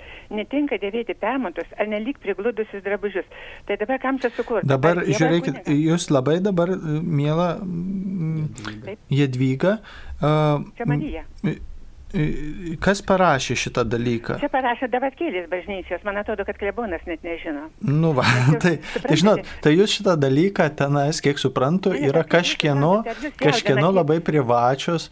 Taip, bažnyčia yra rekomenduojama apsirengti taip, kad netrikdytumėm kitų, tai yra, na, teisinga, reiškia, tiek vyram, tiek moteriam, ne, tam tikra apranga bendruomeninis draugiškumas, kad netrikdytumėm kitiems maldos. Tai yra, na, tokia bendra, bendra, aiškia norma arba, arba toks bendruomeniškas na, paraginimas. Ir ačiū už jūsų skambutį. Ar turi dar kokį komentarą? Aš nežinau, bet turbūt gal klausimas buvo, kad, kad kaip rengtis ar apsirengti einant į, į, į bažnyčią. Jau minėjome apie bažnyčią, kad tai yra sakrali erdvė ir man atrodo, beinant bet kur, į bet kokį prieimimą, kažkur susitikti, mes na, turim tam tikrą dreskodą, taip vadinamą, kaip apsirengti. Ir turbūt visi puikiai irgi atsimename močiutes, senelius, kuomet eidami sekmadienį bažnyčią apsivilkdavo gražiausius savo drabužius, Taip. ar ne pasipuoždavo tiek, tiek, tiek vyrai kostiumą užsidėdavo, ar močiutės, karelės, suknelės gražiausias ir eidavo. Tai galbūt na, žmonių kartais reakcija būna tokia, kad mato, kai, kai žmonės ateina ar iš pležo, ateina su, su, su trumpikiam ar dar kažkuo, tai na, iš tiesų ja. išlaikyti tą, tą pagarbų tokį apsirengimą Taip. ir, ir ateiti. Taip, tas bendruomeniškumas ir mūsų ženklas, kad ar ne tai yra nu, man svarbu, man ryšys su Dievu yra svarbu ir aš, na, aš, ir aš švenčiu ką, a, sekmadienis, pavyzdžiui, jeigu ar ne yra. Ir aš sekmadienį apsirengiu gražiai, kodėl? Nes aš švenčiu viešpaties prisikelimo dieną. Jeigu mes būtumėm, sakykim, žydai ir pamatytumėm, kaip jie, aiškia, kaip mums svarbu yra a, mūsų šabas, mūsų savaitės centras, visi žydai švenčia, pasiruošia namus, susitvarko, tai yra mūsų viešpaties diena, viešpaties e, mums duota. Tai mes panašiai, reiškia, irgi visų kuo tarsi parodome vertę ir branginimą mūsų dienos ir kartu bažnyčioje, tai yra kur susirenkame prie viešpaties, e, kaip jo bendruomenės nariai ir tas gražus apsirengimas arba arba dailus, bet taip pat čia buvo turbūt klausimas apie, na, kartais rūbų trūkumą, ar ne, kada, sakau, bendruomenės atžvilgiu, ne, tai, tai, e, na, kad netrikdytumėm vienas kito ir kažko nepapiktintumėm galbūt savo labai norų kažkaip atrodyti ir panašiai. Nors Dievo akivaizdoj, irgi dar viena laikysena, Dievo akivaizdoj mes visi esam nuogi tiesiog. Ne, drabužiai neturi reikšmės mūsų santykiui su Dievu, e, mūsų ryšiui su juo. Taigi, Adomas ir Jėva mums yra pavyzdys, kokie mes esame santykėje su Dievu. Neturime kuo savęs uždengti, tiesiog jis yra mūsų mylintis viešpats visais mūsų aprangos būdais. Tačiau bendromeniškai, žinoma, mes turime gerbti ir mylėti vienas kitą ir atliepti taip, kad nekeltumėm papiktinimo ir netrikdytumėm šiek kitiems maldos. Turi, dar vieną skambutį berots turime, ar ne, Jonai? Tai prieš tai skambino Marija, o dabar Jedvyga iš Vilniaus. Vėl Jedvyga iš Vilniaus. Ai, je, Marija, Jedvyga. Gerai, dabar, ok. Klausome Jedvyga. E, Garbėjai sukrypti. Per amžius amen. E, skaičiau, kad už visatos yra antirėjus. Malonėkit paaiškinti, kas Tai. Atsiprašau, atsiprašau, ar galit patikslinti, kas už visatos yra? Enterėjus. Enterėjus. Dar liktai aiškino, kad dievų buveinė arba palaimintųjų buveinė. Ačiū, ačiū Jums už Jūsų klausimą. Aš dabar pa, prisipažinsiu, pirmą kartą girdžiu šitą pavadinimą, todėl aš vat, pasinaudojau Google pagalba ir pasižiūriu, kas tai yra enterėjus. Enterėjus neranda tokio pavadinimo. Tai už visatos e, yra tik e, Dievas. ir jis yra mūsų kuriejas ir mylintis viešpats. Um, mm, tai galim visokių filosofinių ir žmogiškų prisimastyti, kas kur yra. Uh, manau, kad čia neverta daugiau skirti šiam klausimui dėmesio. Kaip geriau suprasti mm, žodį Biblija? Jis toks nepatrauklus, kažkoks angliškas. Kodėl jis taip dažnai vartojamas? Mums lietuviams daug mielesnis pavadinimas Šventasis raštas arba Senasis testamentas, Naujasis testamentas. Juk Šventasis raštas ir Biblija tai tas pats ar ne? Taigi, taip. Jūs labai teisingai pastebėjot. Na, galbūt jums nemiela asmeniškai Biblija. Tai istoriškai įdomu būtų pažiūrėti turbūt Bibliją, kuri išvertus e, iš turbūt tos pačios lotynų ir kitų kalbų reiškia biblioteka arba e, knygų rinkinys. Taigi Biblija yra ne tik viena knyga, bet tai yra knygų rinkinys. Tiek pranašai, tiek teisėjų knygos, istorinės knygos, visos Seno testamento, Naujo testamento, Evangelijos, laiškai. Skir, tai yra skirtingos knygos, kurios surinktos į vieną biblioteką, kuri yra, na, tarsi, ne, knygų rinkinys, Biblija. Tai šis žodis ir išreiškia mums uh, ar jums patrauklus ar ne, na, jūs galite vadinti kitaip, bet kiekvienas šių žodžių išreiškia mūsų Dievo žodį, kuris susideda iš Senojo ir Naujojo testamento, vienas šventasis raštas arba vienas Dievo žodis. Tai ar mes sakysim The Bible, ar mes sakysim, e, nu, itališkai dar mums lietuviams skamba nepatraukliau e, La Bibija, bet, na, Iškai, įvairių yra tokių, e, na, sakim, frazių ar ne visose kalbose, e, kuriomis, na, mums gali nepatikti tų žodžių skambėjimas, bet e, iš esmės tai išreiškia Dievo žodį, kuris mums duotas. Taigi turėkit ramybę, tas žodis yra geras. Ar Eugenijau turi dar kokį komentarą čia? Aš galbūt tik taip pastebėjimą, kad um, iš tiesų, kai mes žodį Bibliją girdime, asocijuojasi su turbūt na, krikščionių bažnyčiomis, skirtingomis denominacijomis ir galbūt protestantizmu. Biblija, Biblija, nes Biblijoje daug, daug parašyta, daug cituojama ir taip toliau ir taip toliau.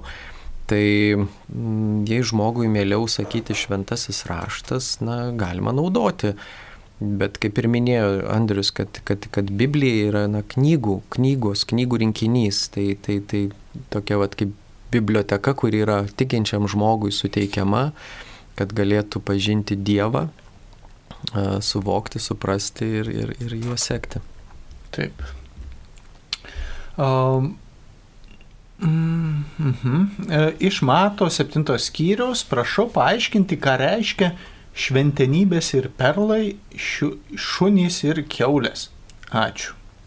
Tai šitą turbūt kalba apie palyginimą, kad neduokite šventenybių šunims ir keuliams tarsi, na, na, turbūt tai yra bendras pasakymas, ar ne, kad, kad vėlgi yra dalykai, kurie kurie mums duoti kaip Dievo šventos dovanos. Tai čia pirmiausia mums reiškia sakramentus, kuriuos mes labai gerbiam ir čia labiausiai švenčiausiai sakramentą, kurį va ir bažnyčia saugo ir dalyja kaip patį Kristaus kūną, nes patį Kristaus buvimą ir Kristų patį, nes jis toks ir yra, Euharistijoje yra pats viešpats. Ir taip pat ir, ir kitus, kaip šventai krikštą, ir, ir, ir kitus sakramentus, kuriais bažnyčia dalyja atsakingai ir E, ne taip, kam papuolė, kas nori, bet atsakingai, kad žmogus sąmoningai suvokdamas, kas tai yra ir trokšdamas atliepti savo gyvenimu. O šunys ir keulės Jėzaus panaudoti kaip įvaizdžiai, pavaizduoti galbūt laikyseną, kurie šventų dalykų, tų Dievo šventų dovanų atžvilgių gali elgtis nepagarbiai, netgi paniekinamai arba vartotojiškai. Šunys ar keulės kažką pamatę, valgomo praeina, suėda ir nueina savo reikalais, net nesusimastę. Sako, kad keulių akys yra taip sutvertos, kad jos niekada nemato dangaus. Jos mato tik tiesiai arba žemę. Jų fizinė akių na, struktūra yra tokia, kad jos negali pažiūrėti į dangų. Jos nemato dangaus. Taigi vien žemiškai, ar ne? Ir, ir todėl e, tai, kas yra Dievo duota, kad mes įvertintumėm ir brangintumėm. Ar galbūt kokią nors konkretesnį pavyzdį, Eugenijau, turėtum šitoje vietoje? Čia gal tokios atsakomybės taip pat klausimas ir, ir suvokimas apskritai šventumo arba šventenybės. Tai, bet čia galime prisiminti ir, ir, ir kitą Evangelijos ištrauką, kurioje labai labai panašiai yra sakoma, kai viena moteris kalbėjo su Jėzumi ir, ir, ir po to Jėzus panašiai atsakė tokį palyginimą ir, ir jinai sako jo, bet ir, ir, ir šunyčiai trupiniais nuo stalo nukritusiais irgi taip pat gali pasimaitinti. Tai, na, toks e, iš tiesų, kad neturėtų būti kelias užvertas visiškai kažkokiam šventumo, e, ar ne, žiūrint dar, ką mes čia laikysime, tą šventenybę ar, ar šventumu, bet, bet iš esmės, na, žmogaus suvokimą kad, kad tikrai ne, neprieiti, nepridrapstyti ir neišeiti visiškai nesuvokiant, kas vyksta, bet kad įprasminti savo veiksmus. Ir, ir Dievas netam tampa žmogumi, kad, kad jis tų veiksmų neįprasmintų. Tai mes, mes tą žmogiškumą turime išgyventi, patirti. Ir, ir čia yra labai svarbu mūsų, mūsų veiksmai. Veiksmai su savimi, su kitais ir su Dievu. Mhm. Klausimas irgi labai bendras, labai platus. Labas rytas, kaip atpažinti savo pašaukimą. Visų pirma, mano pirmas, aš visą laiką sakau, vienas svarbus dalykas. Pirmas mūsų pašaukimas yra Jėzus ir jo geroji naujiena. Ir, ir gyvenimas pagal Kristų. Tai mūsų pašaukimas kaip gyvenimo kelionė yra antrasis. Pirmasis yra meilės ryšys su tėvu. E, su Jėzumi ir su šentąją dvasia. Tas bendrystės ir vienybė. E, e, dykumų tėvai ir bažnyčios tėvai ir, na, sakykime, visa pirmųjų amžių mokytojų teologija visą laiką kalbėdavo apie žmogaus pašaukimą pirmiausia į vienybę su Dievu ir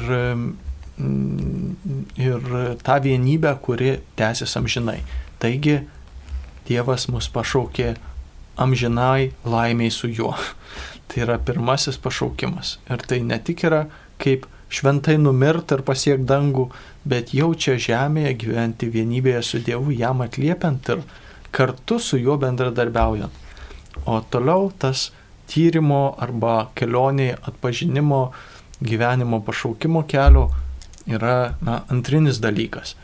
Taigi įrankiai, pirminiai Dievo žodis, malda ir krikščioniška bendruomenė, bendrystė ir palidėjimas, kurio kitų klausimų taip pat tą a, klausia mūsų, kaip susirasti dvasinį palidėtoją, kokie svetainėje galėtų galbūt kontaktus rasti, arba ar turit jėzuitai kokį nors pagalba žmogus, kuris klausia, kaip susirasti dvasinį palydėtoją. Čia apie dvasinį palydėjimą aš atsimenu kažkada tai tėvas Vytautas Sadauskas, jezuitas, dvasinis palydėtojas yra pasakęs, sako, na tu gali baigti mokslus, tu gali būti jezuitu ir tu gali pasiskelbti, jog tu esi dvasinis palydėtojas ir taip toliau ir taip toliau, bet dvasinis palydėtojas tu tampi tuo met, kuomet žmogus prieina prie tavęs ir paklausia arba paprašo, sako, ar jūs galėtumėte būti mano dvasinis palydėtojas. Aš pažįstu jūs truputėlį, ar žinau, ar girdėjau, ar taip toliau, ir taip toliau. Tai iš tiesų žmogus turi kreiptis. Kur gali būti ar ta, ta pagalba, tai visų pirma bendruomenėse, parapijose galima kreiptis į tiesiai į, į, į, nežinau, ar parapijų kleboną, ar, ar, ar dar kažką tai, e, kas galėtų būti dvasiniu palidėjimu, ar vienuolį, vienuolę, e, kurią jūs galbūt pažįstat, ar matot, ar girdėjot, ir jeigu žmogus atsako, kad taip turiu laiko, galiu jūs palydėti, taip pat gali būti e, galima ieškoti galbūt gyvenimo tikėjimo institute, taip pat užsima dvasiniu palidėjimu, ignaciškų dvasingumu, siūlo rekolekcijas, galbūt taip pat sudalyvauti ir, ir rekolekcijose ir tada na, tas tyl, tylesias rekolekcijas su palydėjimu patirti ir tuomet galbūt suvokti arba suprasti, kas yra tas dvasinis palydėjimas. Tai, tai čia daug, daug, daug aspektų gali būti. Tai, tai. Taip, e, bet irgi turbūt e, palydėti, na, kaip atliepti, nes palidėjimas yra, nu, buvom vieną kartą a, tokioj mm, konferencijoje, ten mm, iškia, Italijos viskupų konferencijos ir Vatikano organizuojama apie jaunimo silovadą. Ir ten kalbėjo labai svarbu principą palidėjimą, kad palidėjimas iš esmės yra um, Emauso mokinių kelias. Tai yra eini ir kalbėsi. Aiškia, pasikalbinimas, ne? Ir, nu, Jėzus pirmiausia mūsų užkalbino, nu, kaip tau sekasi, žinai. Nu, va, reiškia, taip, taip, taip, pamausia mokiniai, čia bėdos, taip toliau. Mhm. Mm nu, vėl užduoda kažkokį klausimą, žinai. Ir paskiau jiem galiausiai, kai išduoda tos klausimus, galiausiai jie užsidega jų širdis irgi patys visokių dalykų klausia, ieško ir tada jiem atsiveria akis ir jie pamato, ne? Tai, nu, tarsi palidėtojas gali tau užduoti kažkokius klausimus, galbūt tau reiškia kažką, reiškia tavo klausimus atsakyti, bet galiausiai nu, tu pats atrandi, tu pats tau atsiveria tarsi kažkur gyvenime kažkoks atsakymas ar kryptis. Ir taip slėpiningai Dievas mus, mus veda tuo būdu per gyvenimą. Ir dabar tas palydėtojas gali būti tiek vadinamas akivaizdinis susitarimo dalykas ir tai gali būti žmogus, na, bet kuris, tiek kunigas, tiek vienuolis, tiek pasaulietis, pasaulietė, ir, ir, ir, ir kuris na, gyvena e, nuėjęs tam tikrą patirties gyvenimo krikščioniškos kelią ir, ir, ir gali atliepti ir savo patirtim, ir kartu na, tuo tokiu žmogišku dvasiniu, dvasiniu palidėjimu. Taigi nereiktų mąstyti apie palidėjimą tik kaip kunigų ar vienuolių, bet, bet e, tiesiog atpažinti galbūt koks nors žmogus, kuriuo per kurį, na, tu jautai arba atpažinai, kad Dievas tau prakalbo kelis kartus ir, ir galbūt e, tu su to žmogum pasiklausyk, ar, ar galiu ateiti pas tave kartais pasikalbėti, ne, tai nereikia dabar statuso kažkokio įgyti. Tai dabar tu būsi mano dvasios palidėtojas, aš čia būsiu palidimysis ir mes dabar turim tokią, nu yra gerai nusistatyti tam tikrą, bet, bet paprastai, nu yra tas toks, žinai, nu draugiškas ryšys. Žinai, aš norėčiau laiks nuo laiko su tavim susitikti, ar galėtumėm kad man padėtum susigaudyti kažkuriuose klausimuose, ne, nes tu keliauji krikščionišką gyvenimą. Ok, reiškia, galim susitikti ir tas toks gaunasi, na, neįrėmintas, bet, bet kartu ir, ir, ir, ir tokia kelionė drauge, tarsi Emauso mokinių. E, kaip aiškintumėt kunigo pasitraukimą iš tarnystės ir ar toks kunigas vėliau gali sukurti sakramentinę santoką? Ačiū, klausia mūsų Jėva. Žinoma, aktualus klausimas, turbūt šiom dienom irgi, kaip girdime, į tai laiks nuo laiko kažkuris iš tų įvykių nutinka. Eugenijau, na, toks, sakykime, jautrus klausimas, ypač komentuot kunigams ar ne, bet kaip pats, na, nežinau, pasakytum.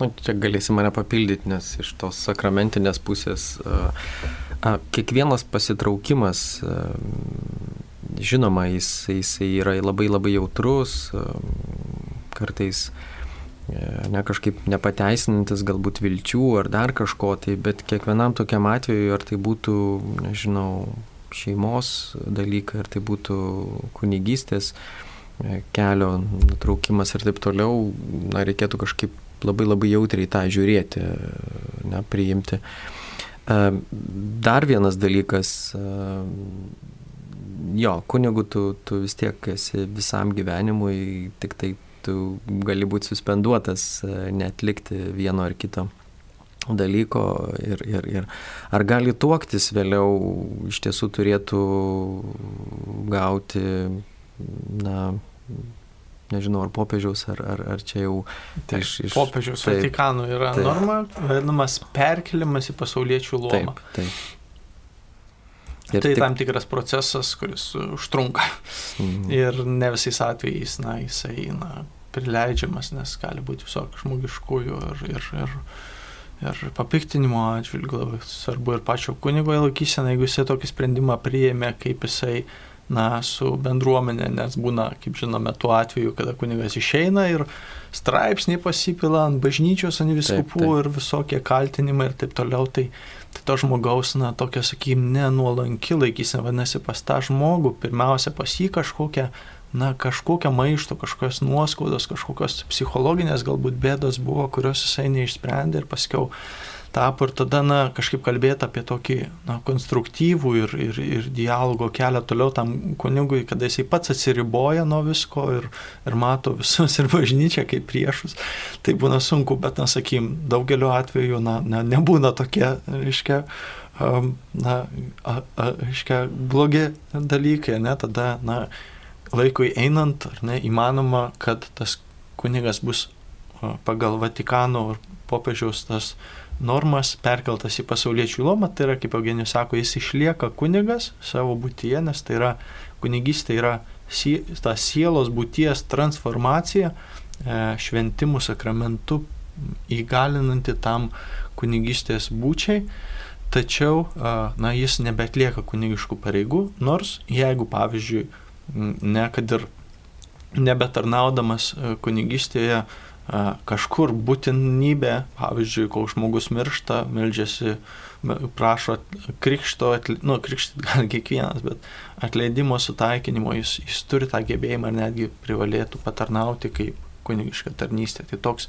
dviejopas yra ir jautrus klausimas, aišku, ir, ir, ir šiandienos situacijose, ir, ir galiausiai, na, Būna, būna visai, bet branginkime kunigus, melskime už kunigus vieni už kitus, kad tikrai tą misiją, kurią pašaukimą turime, kad vykdytume ir taip pat ir už šeimas melskimės, nes jos vienodai svarbios.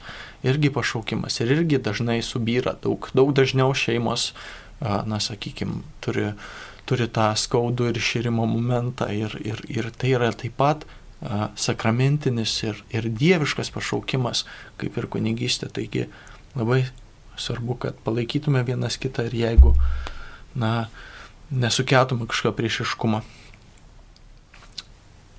Um, pakomentuokite, prašau, iniciatyvą amžinosios šventosios mišios. Ačiū, Nijolė. Hmm. Amžinosios šventosios mišios. Tai čia tikriausiai kalba apie saleziečių, um, na, tokį kvietimą um, prisijungti arba, um, na, paprašyti, kad kažkam, už kažką iš mūsų artimųjų būtų melžiamasi tose nuolatinėse mišiuose vadinamos. Jos pavadintos amžinosiomis, Tai amžinos ta prasme, kad yra Romoje bažnyčia, saleziečių, pačiame centre prie terminį stoties, kuriuose kasdien aukojamos mišios už visus, už sakiusius arba užprašusius jų intencijomis melstis. Ir e, tomis visomis intencijomis ten kasdien melžiamasi ir bus melžiamasi tol, kol ta bažnyčia ten bus ir kol, kol ten bus tarnaujančių ar ne, tai šita prasme jos yra amžinos, nors žmogiška prasme jos yra na, tiesiog mūsų visų bendruomeninė malda.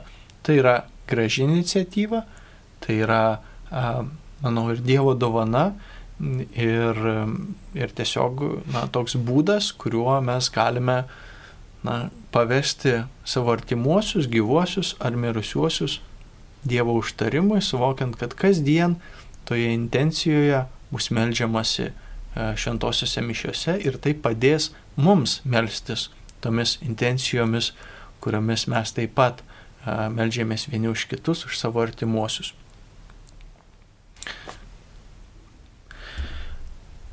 Um, kitas klausimas.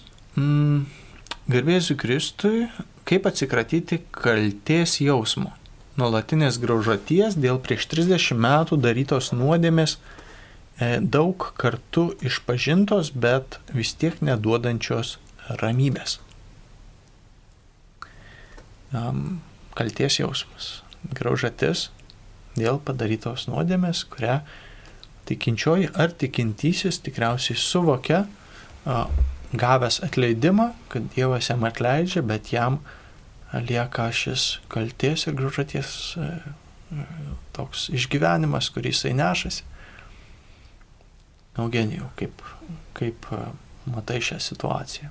Kiekvienas turim turbūt kažkur graužaties dėl kažkurių savo gyvenimo klaidų, bet, bet jeigu taip lydi sunkesnių būdų, kaip tu matytum, kaip žmogus galėtų spręsti. Kalties jausmas iš tiesų nėra paprastas dalykas. Um, bet čia yra ir geroji pusė iš tiesų kalties. Kalties, na, gera yra tai, kad mes jaučiamės žmogiški. Mes jaučiamės žmogiški, um, nes, nes turim jautrę sielą ir sąžinę. Tai išvengti to ir jūs jau patys, ar pats, ar pati minėjote, kad 30 metų tą kaltę jaučiate. Ir turbūt tikrai, tikrai labai labai jautrus dalykas buvo atsitikęs, kad, kad tiek ilgai tą kaltę nešiojatės.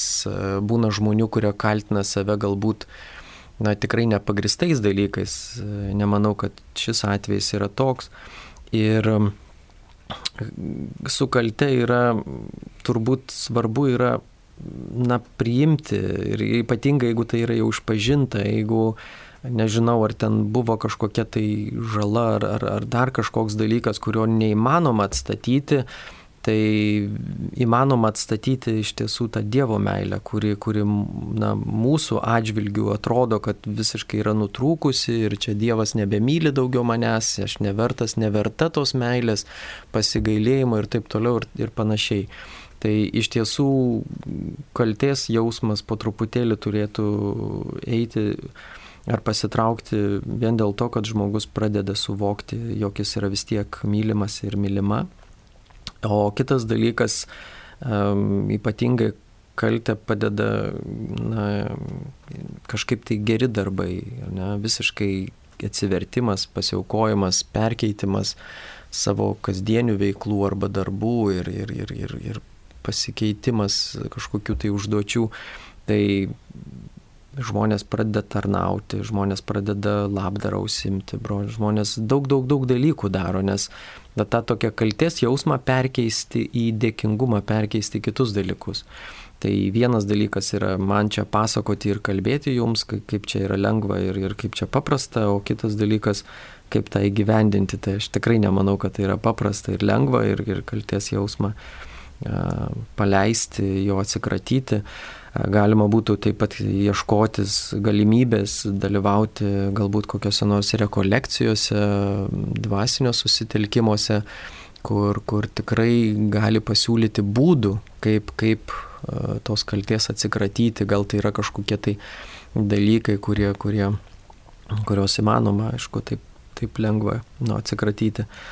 Um, mhm. Jo, ir mes daug galim turėti iš savo vaikystės, netgi iš santykio su tėčiu, mama, kada mums, reiškia, auklėjimą, kurį turėjom, kur sakydavo, kad, na, tarsi tu esi atsakingas ir tu turi, reiškia, savo gyvenimą ištaisyti ir, reiškia, atsakyti už visus dalykus ir tokie gali būti ir žmogiški, tai va vėlgi to pokalbio momentas, bet kartu ir Dievo akivaizdoj, tas prieimimas, kad Dievas mus nori išteisinti, jis mus išteisina Jis atėjo tam, kad mums dovanotų ir atleistų.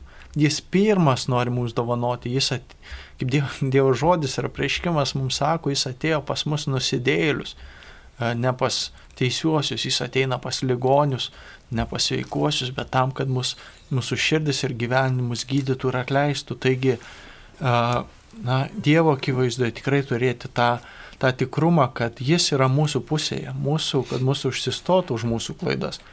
Ir štai vis tik, e, jeigu palieka tas, tas, tas na, lydintis kažkoks jausmas ar išgyvenimas, na, tiesiog pasimelskite, susiraskite kur nors internete ar kur Velykinį šlovinimą yra šis per Velykas gėdamas e, e, himnas Dievo garbinimui.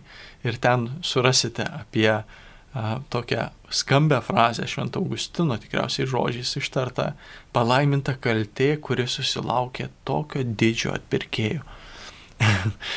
labai stipriai skamba, be, beveik reiškia ne, ne, nepatogiai, kad, bet tai yra, na, pažvelgti į išganytoją, jo, jo atpirkimą ir tai gali tapti mums impulsu gyvenime nešti ir paguodą tiems, kurie taip pat sužeisti, kažkur nusivylę, išsigandę e, ir tai tapti gali mums tarnystės įrankių e, kitiems. Taigi nepasilikti vien ties savimi. Gerbėmieji, ar jūs galėtumėte man atsakyti, ką nors į tai, kad susidomėjau kuo dabar? Eugenų Drevermanų. Ačiū, Artija. Ar pažįsti tokį Eugenų Drevermanų? Neįsivaizduoju. Drevermanas. Čia gal. Drevermanas. Pra... Girdėtas kažkur, bet netek susidurti. Prancūzas. Ar, nu, žiūrim kitą klausimą, tada sugrįšim, bandysim paieškoti. Ar mūsų Dievas tai tik katalikų ir kas po mirties laukia? Kitų religijų atstovus, kurie taip pat draudžia tikėti kitiems dievams su jo analogiška autobiografija, Zeusas, Krišna ir taip toliau. O, na, sudėtingas toks, vėlgi, žmonės kartais nori klausimų, kurie apima visų religijų, aiškiai, nu dabar tarsi, tarsi paaiškinimą turime vieną momentą svarbu. Kristus yra atpirkėjas ir išganytojas visų žmonių. Visų žmonių. Tai nereiškia, kad visas religijas sulyginam ir sakom, koks skirtumas, toli gražu ne. E, krikščioniškas ir evangelinis ir katalikiškas mums yra pirminis kvietimas, e, na, sakykime, karaliaus Kristaus ambasada žemėje. Ir tačiau šios a, a, Kristaus išganimo a, kelią pagal sąžinę, pagal prigimtinį žmogaus tiesos troškimą atpažįsta ir kitų religijų išpažinėjai. Todėl mes negalime teikti, kas bus išganyti ar ne, tiek iš mūsų, tiek iš kitų, bet numatome, jog a, krikščioniškas kelias yra pirminis ir, ir tokia a, svarbiausias turbūt, kaip manai, Eugenijau. Aš labai atsiprašau, neišgirdau klausimo, nes... Ar katalikų dievas tik katalikų ir kas po mirties laukia kitų religijų atstovų? Ai. Na, čia aš turbūt pritarčiau, ką tu sakei, viskas yra, tai yra ta tokia atvira bažnyčios mintis ir uždaros bažnyčios mintis, tai um, neužkirskime kelio Dievui priimti kiekvieno žmogaus į savo globą. Tai man atrodo, čia viskas tuo ir pasakyta. Um, aš neišgirdau klausimo, nes, nes žiūrėjau, kas tas Oigenas Drevermanas, pasirodo, mhm. yra vokiečių bažnyčios kritikas, teologas, taikos aktyvistas ir buvęs Romos katalikų kunigas. Tai vat, mes jau kalbėjome apie kunigystę, kai žmogus pasitraukia ir, ir, ir kokie veiksmai būna paskui. Uh, Kalbant apie kritiką, iš tiesų tapus popiežiui Pranciškui bažnyčios galva, į kritiką iš tikrųjų yra atsižvelgiama labai daug ir aš manau, kad na, kritika, jeigu jinai yra pasverta normali, tai tai yra normalu mes, mes visi turime būti savikritiški, neužriesti nosies ir kažkaip tai kitaip. E, prisipažinsiu, kad nesu susipažinęs su jo teologija, jo raštais ar mintimis. E, tai tikrai galbūt artimiausių metų tą padarysiu, nes pačiam dabar įdomu ir smalsu pasidarė, mhm. kas, kas jis per žmogus ar, ar kuo jis nežinau, kokios yra jo mintis. Jo. Kiek matau, Drevermanas buvęs katalikų kunigas, pasitraukęs iš kunigystės, turbūt daugiau dėl teologinių priežasčių, būna įvairių priežasčių, kodėl, na, sakykime, migracija įvyksta, ar ne, kunigų ir kažkur į, į kitas, iškia, tikėjimo kryptis. Ir kaip ir tikinčiųjų, ir jisai daugiau, na, atrado kelią su protestantiškos teologijos, evangelinės teologijos kryptimi, na, škia labiau atitinkančiai, kuo jisai na, norėtų tikėti. Ar tai yra na, gerai ar blogai, ar dabar jisai kažką naują pasakys ir, ir, ir kažkokiu nauju būdu mums gyvenimą nušvies. Turbūt ne, nes Evangelija ta pati, tiek katalikai, tiek liuteronai ją skaitome tą patį, Jėzus tas pats, žinoma, to į, į žmogiškas įkūnymas skiriasi, sakramentų samprato ir, ir tokiam bendruomenės ryšiai. Tai, tai, bet jeigu kažkas e, krikščionybei išras kažką, e, ką pasakys visiškai nauja, ko nėra buvę ir sakys, čia viskas dabar yra teisingas kelias, tai Jėzus apie šitą pasakytų, neklausykite jų ir nesekite, nes uh, tai, ką aš jums perduodu kaip išganimo kelią, yra, e, yra mano apreiškimas, mano išgelbėjimo kelias. Taigi galime domėtis ir čia mūsų artie klausė, galime domėtis ir skirtingais tais mokymais ir jie didelė dalimi dažnai yra teisingi, ta pati Evangelija, tas pats Kristaus mokymas, e, tačiau būti va tokiu na, kritišku ir, ir, ir, ir, ir nuolankiu priimti vienovę su, su visa bažnyčia ir ekumeniniu santykiu, tokia bendrystė su kitomis krikščioniškomis denominacijomis ir kartu branginant savo lobius, kurios, jeigu jūs esate katalikė, tai nu, mes turime nu, viską, ko net neįvertinam tiek daug. O kas mums paskambina, nes matau, kad skambutis yra. Teofilius iš Šakių rajono. Sveiki, Teofiliau. Garbė Jėzui Kristui. Jūs labai. Vieną, klausim... Taip. A, vieną klausimėlį norėjau paklausti. Čia iš e, Švento Jono prieiškimo, kai moteris, e, reiškia, skausmuose e, prieš gimdymą ir, ir, ir persekiojimas slibino, kai vaikas buvo paimtas pas Dievą, o moteris, reiškia, buvo paimta į į dykumas, keliom tai dienom. Man, man svarbiausia, va tos dienos, aš 256, kiek neprisimenu gerai, bet kaip išaiškinti tas dienas, va, kaip, kur, kur Marija buvo per tas dienas ir, ir ką jos taip simboliškai, ką reiškia tas būtent tas tik tikslus skaičius, tai čia 260 ir, ir dar kažkiek, tai dar, dar angalai penkios, tai kas neprisimenu gerai. Bet va, tai man tas įdomu tos dienos, dienų reikšmė simbolinė. Tai ačiū labai už atsakymą, daugiau, daugiau man viskas aišku. Mhm. Nu, ačiū Teofiliau, jūsų e, labai gražus vardas, mūsų ką tik neseniai palaimintųjų paskelbto Teofiliaus, e, iškia Dievo, Dievo mylimojo, Dievo mylinčiojo e, jūsų vardu vadinamo ir jūs skaitote šventą raštą ir štai atėjote į apreiškimo knygą, kuri yra turbūt kebliausia paaiškinti tiesiogiai. Taip, kad, žinai, čia parašyta šitas, o čia parašyta šitas ir šitą turim taip suprasti ir taip suprasti. Kadangi apreiškimo knyga yra priklauso Biblijos apokaliptiniam žanrui, kuris kalba simbolinę kalbą mums apie dalykus mūsų gyvenime ir apie dalykus galbūt ir ateityje ir praeitie buvusius, bet simbolinė kalba. Ir todėl tie skaičiai ir tas na, ženklinimas kažkokių įvykių, dienų ir taip toliau, jie na, turi tam tikrą simbolinę reikšmę. Tai čia reiktų dabar, kad būtų šalia koks nors biblistas, kuris studijavo ir konkrečiai šitos klausimus išsiaiškino, ką toje, reiškia, Biblijos simbolių kalboje na, Dievas nori mums pasakyti.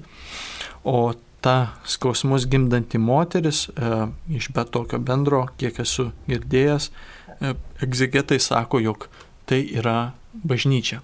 pirmiausia. Ir su mergelė Marija, sakykime, siejama, bet e, pirmiausia, tai yra siejama su bažnyčia.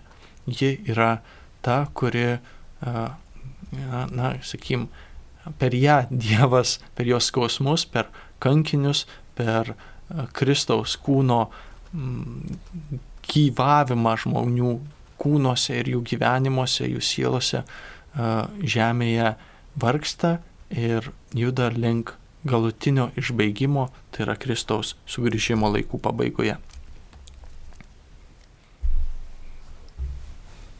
Nu, tai Eugenijus sako, jo, nieko nepridėsi čia, ne? Tai mums liko dvi minutės.